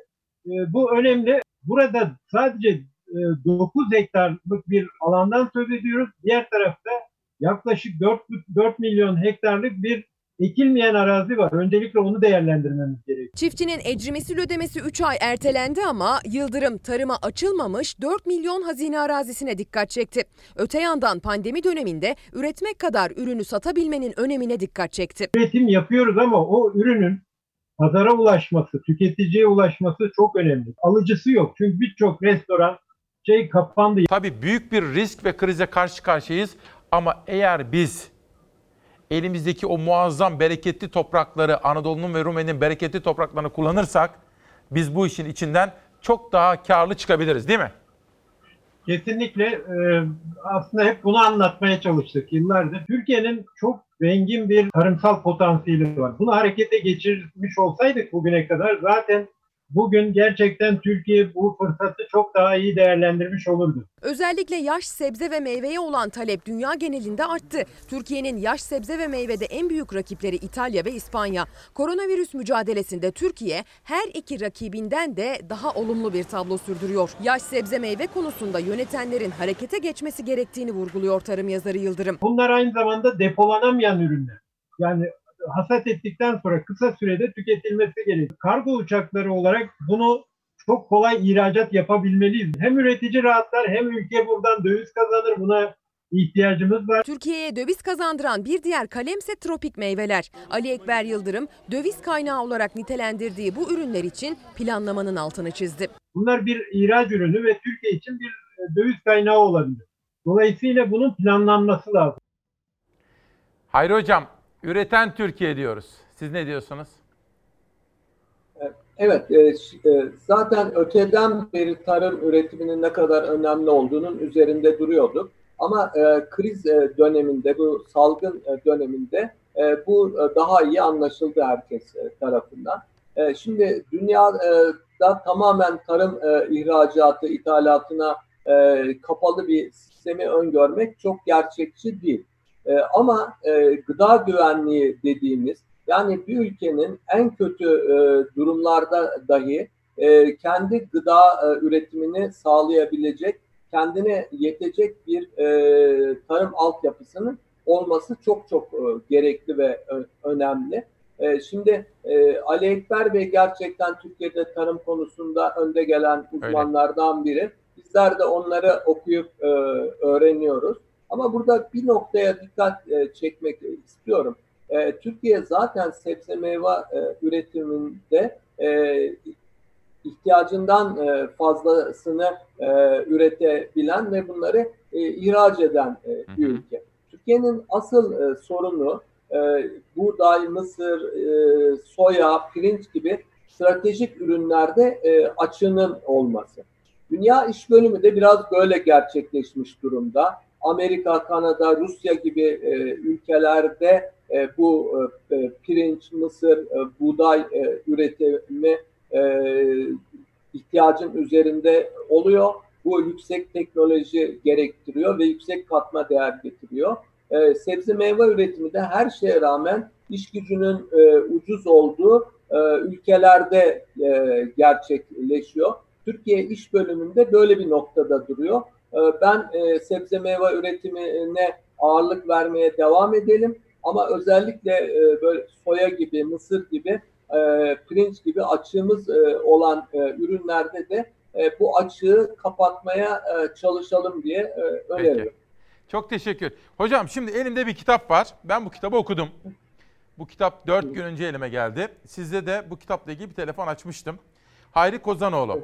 50 soruda teknolojik gelişmeler ve hayatımız Altınbaş Üniversitesi yayınlarından çıktı bu kitap. Yeni de çıktı. Şimdi bu kitabın yayınlanmasında tabii sizi de biliyoruz az çok hani eserlerinizden, kitaplarınızdan, derslerinizden takip etmeye çalışıyoruz. Siz siz ODTÜ'lüsünüz aslında ODTÜ Endüstri. Hı. Doğru biliyorum değil mi? Evet doğru. Ha, eşiniz de Boğaz içinden. Fakat şöyle bir soru soracağım. Bu kitabın hazırlanmasında şimdi çok uzaklarda olan eşiniz ve çocuklarınız özellikle eşinizin faydası, katkısı, önerileri oldu mu? E, şöyle söyleyeyim, o e, en son çıkan iki kitabın e, sizin elinizdeki teknolojik gelişmeler ve hayatımız e, o 18 e, Ağustos 2018'de yayınlandı. Tam e, Türkiye'de e, döviz kuru patlamasının olduğu, herkesin dövizi konuştuğu bir dönemde bir şekilde kitap çok fazla gündeme gelemedi. Bu, e, bu en son çıkan kitabım e, küresel e, iklim değişikliği ve insanlar. E, onu Avustralya'da e, yazdım. E, eşim ve e, oğlum ve e, kızım şöyle bir fedakarlığa katlandılar. E, sürekli e, kafası bu, bu kitabı bitirmekle meşgul bir e, baba konsantrasyonu zaten yüksek olmayan, iyice konsantrasyonu düşen, pratik işlerde e, beceriksizliği biraz daha belirgin hale gelen bir e, baba figürüyle e, karşılaşmış oldular. E, bu kitap da tam salgın döneminde e, çıkınca biraz e, böyle emeklerim e, çok karşılığını bulmadı mı diye e, bir e, yerini bulur hocam. Ama işte. sizin e, kitabı değerlendirmeniz e, önemli. Yani şunu söylemek gerekiyor. Yani salgından önce küresel iklim değişikliği bütün insanlığı e, etkileyen, insanlığın geleceğini, e, özellikle gelecek e, kuşakların e, yaşamını daha fazla tehlike altına e, atan e, bir tehditti insanlığın e, önünde. E, şimdi bu anlamda e, aslında hiç görünmedik şekilde e, sanayi işletmelerinin daha az çalışması, insanların daha az araba kullanması gibi nedenlerle e, iklim değişikliğinde, küresel ısınmada olumlu bir gelişme evet. oldu. İşte tek tek gözlemler onu da e, gösteriyorlar. Belki salgında insanlık e, kaderinin ortak olduğunu e, görürse küresel iklim değişikliğine karşı da e, ortak bir inisiyatifin geliştirilmesi, insanların e, ortak bir e, çabayla e, bu sorunun da üstesinden gelmesi için e, ciddi bir e, fırsat e, olur diye düşünüyorum. Peki. Çünkü Şimdi, bu salgın insanlık türünün ortak bir kaderi olduğunu çok açık bir şekilde Sizin gösterdi. bu iki kitabınızdan benim çıkardığım sonuç şu. Aslında iktisatçıların, finansçıların da artık yeni dönemde buna dair analiz yaparken, kitap yazarken, ders verirken aslında çevre sorunlarını da bilmesi gerekiyor. Teknolojideki gelişmeleri de bilmesi gerekiyor diye bir sonuç çıkarttım ben. Hocam bir Çok kitap... doğru bir sonuç gerçekten. Öyle mi? Sağ olun. E, e tabii yani ben de açık söyleyeyim şimdi e, hayatını e, yapay zeka, robot teknolojisine vermiş meslektaşlarımız var veya hayatını küresel iklim değişikliği e, konusuna kafa yorarak geçiren biyologlar, iklim bilimciler var. Yani ben bir sosyal bilimci e, olarak bu konuları kendi e, perspektifimden inceledim ve sade bir insanın anlayabileceği bir şekilde yansıtmaya çalıştım. Yoksa e, o uzmanlık alanlarında yapılan çalışmaların farklı bir önemi olduğunu burada e, söylemek durumundayım. Peki. Hocam şimdi bir kitap daha var elimde. Babaannemin Lugati. Şimdi Hı-hı. Hüsniye Kozanoğlu 1925 yılında Adana'da doğuyor. Ve Hı-hı. aslında size, sizin de çocuklarınıza yansıttığınız, aktardığınız aile kültürü, kelimeler, lügatler. Bu kitapta da babaannemin lügati yine Hayri Kozanoğlu imzası taşıyor. Çok ilgi çekici bir hayat hikayesi var orada aslında. İlgilenenler bunu da okuyabilirler. Size çok teşekkür ediyorum hocam. Sağ olun, var olun. Ben teşekkür ederim. Sağ olun. İyi yayınlar diliyorum. Çok teşekkür Sağ ediyorum. Sağ olun. Şimdi efendim bugün birkaç mesajı daha vermek istiyorum. Mesela Davos, hani Dünya Ekonomik Forumu var ya, dün uluslararası ajanslara bir açıklama yaptı ve burada Koç Holding'in, bakın şöyle göstereyim size, koronavirüs mücadelede dünyaya iyi örnek olarak göstermesinin gururunu yaşıyoruz diyor. World, World Economic Forum, Dünya Ekonomik Forumu bir açıklama yaptı ve koronavirüsle mücadele kapsamında hem kamu otoritesine hem de vatandaşlara gösterdiği duyarlılık nedeni, dayanışma duyguları nedeniyle böyle bir duyuru yaptı. Özellikle biliyorsunuz bu solunum cihazı üretilmesinde de bu grubun şirketlerinin devreye girmesi keza Selçuk Bayraktar da devredeydi biliyorsunuz. Devletimizin pek çok kurumu da devredeydi. Arçelik de devredeydi. Bu da bence önemli. Yarına belki de altı çizilesi önemli hususlardan bir tanesiydi. Efendim ben şimdi müsaadenizi isteyeceğim. Üç kitap tanıtım yapacağım. Bugüne bir klip seçtik sizler için. Ve Gonca Zeybek'ten yeni gelen bir kitap imzalı geldi. Türkistan'da efendiler ve köleler ve çatlaklar hayallerin peşinde Muammer Memiş. Yarın 1 Mayıs. 1 Mayıs'a ilişkin çok özel hazırlıklarımız, manşetlerimiz, gazetemiz ve özel konuklarımız olacak. Yarın 7.45'te İsmail Küçükkaya ile Demokrasi Meydanı'nda görüşene kadar esen kalın, huzurla kalın, sağlıkla kalın.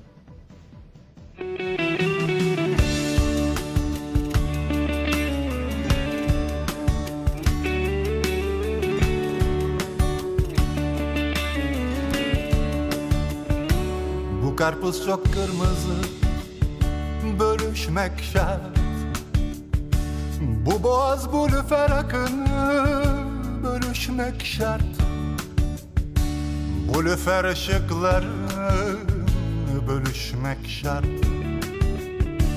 Şu mavi yetmiyor mu? Bölüşmek şart. Yeşil kimin yeşili?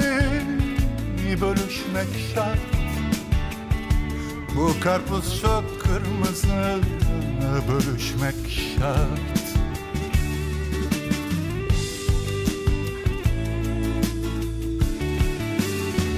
Dünya çok güzel Bölüşmek şart. Dünya çok büyük Bölüşmek şart. Bu gece çok uzun Bölüşmek şart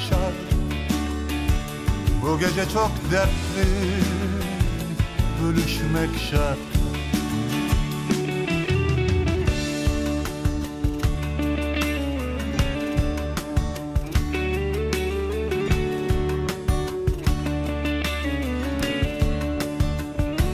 Bu lüfer ışıkları Bu sandallar Bu insanlar Bu kımıldanış Bölüşmek şart Bu karpuz çok kırmızı. Bölüşmek şart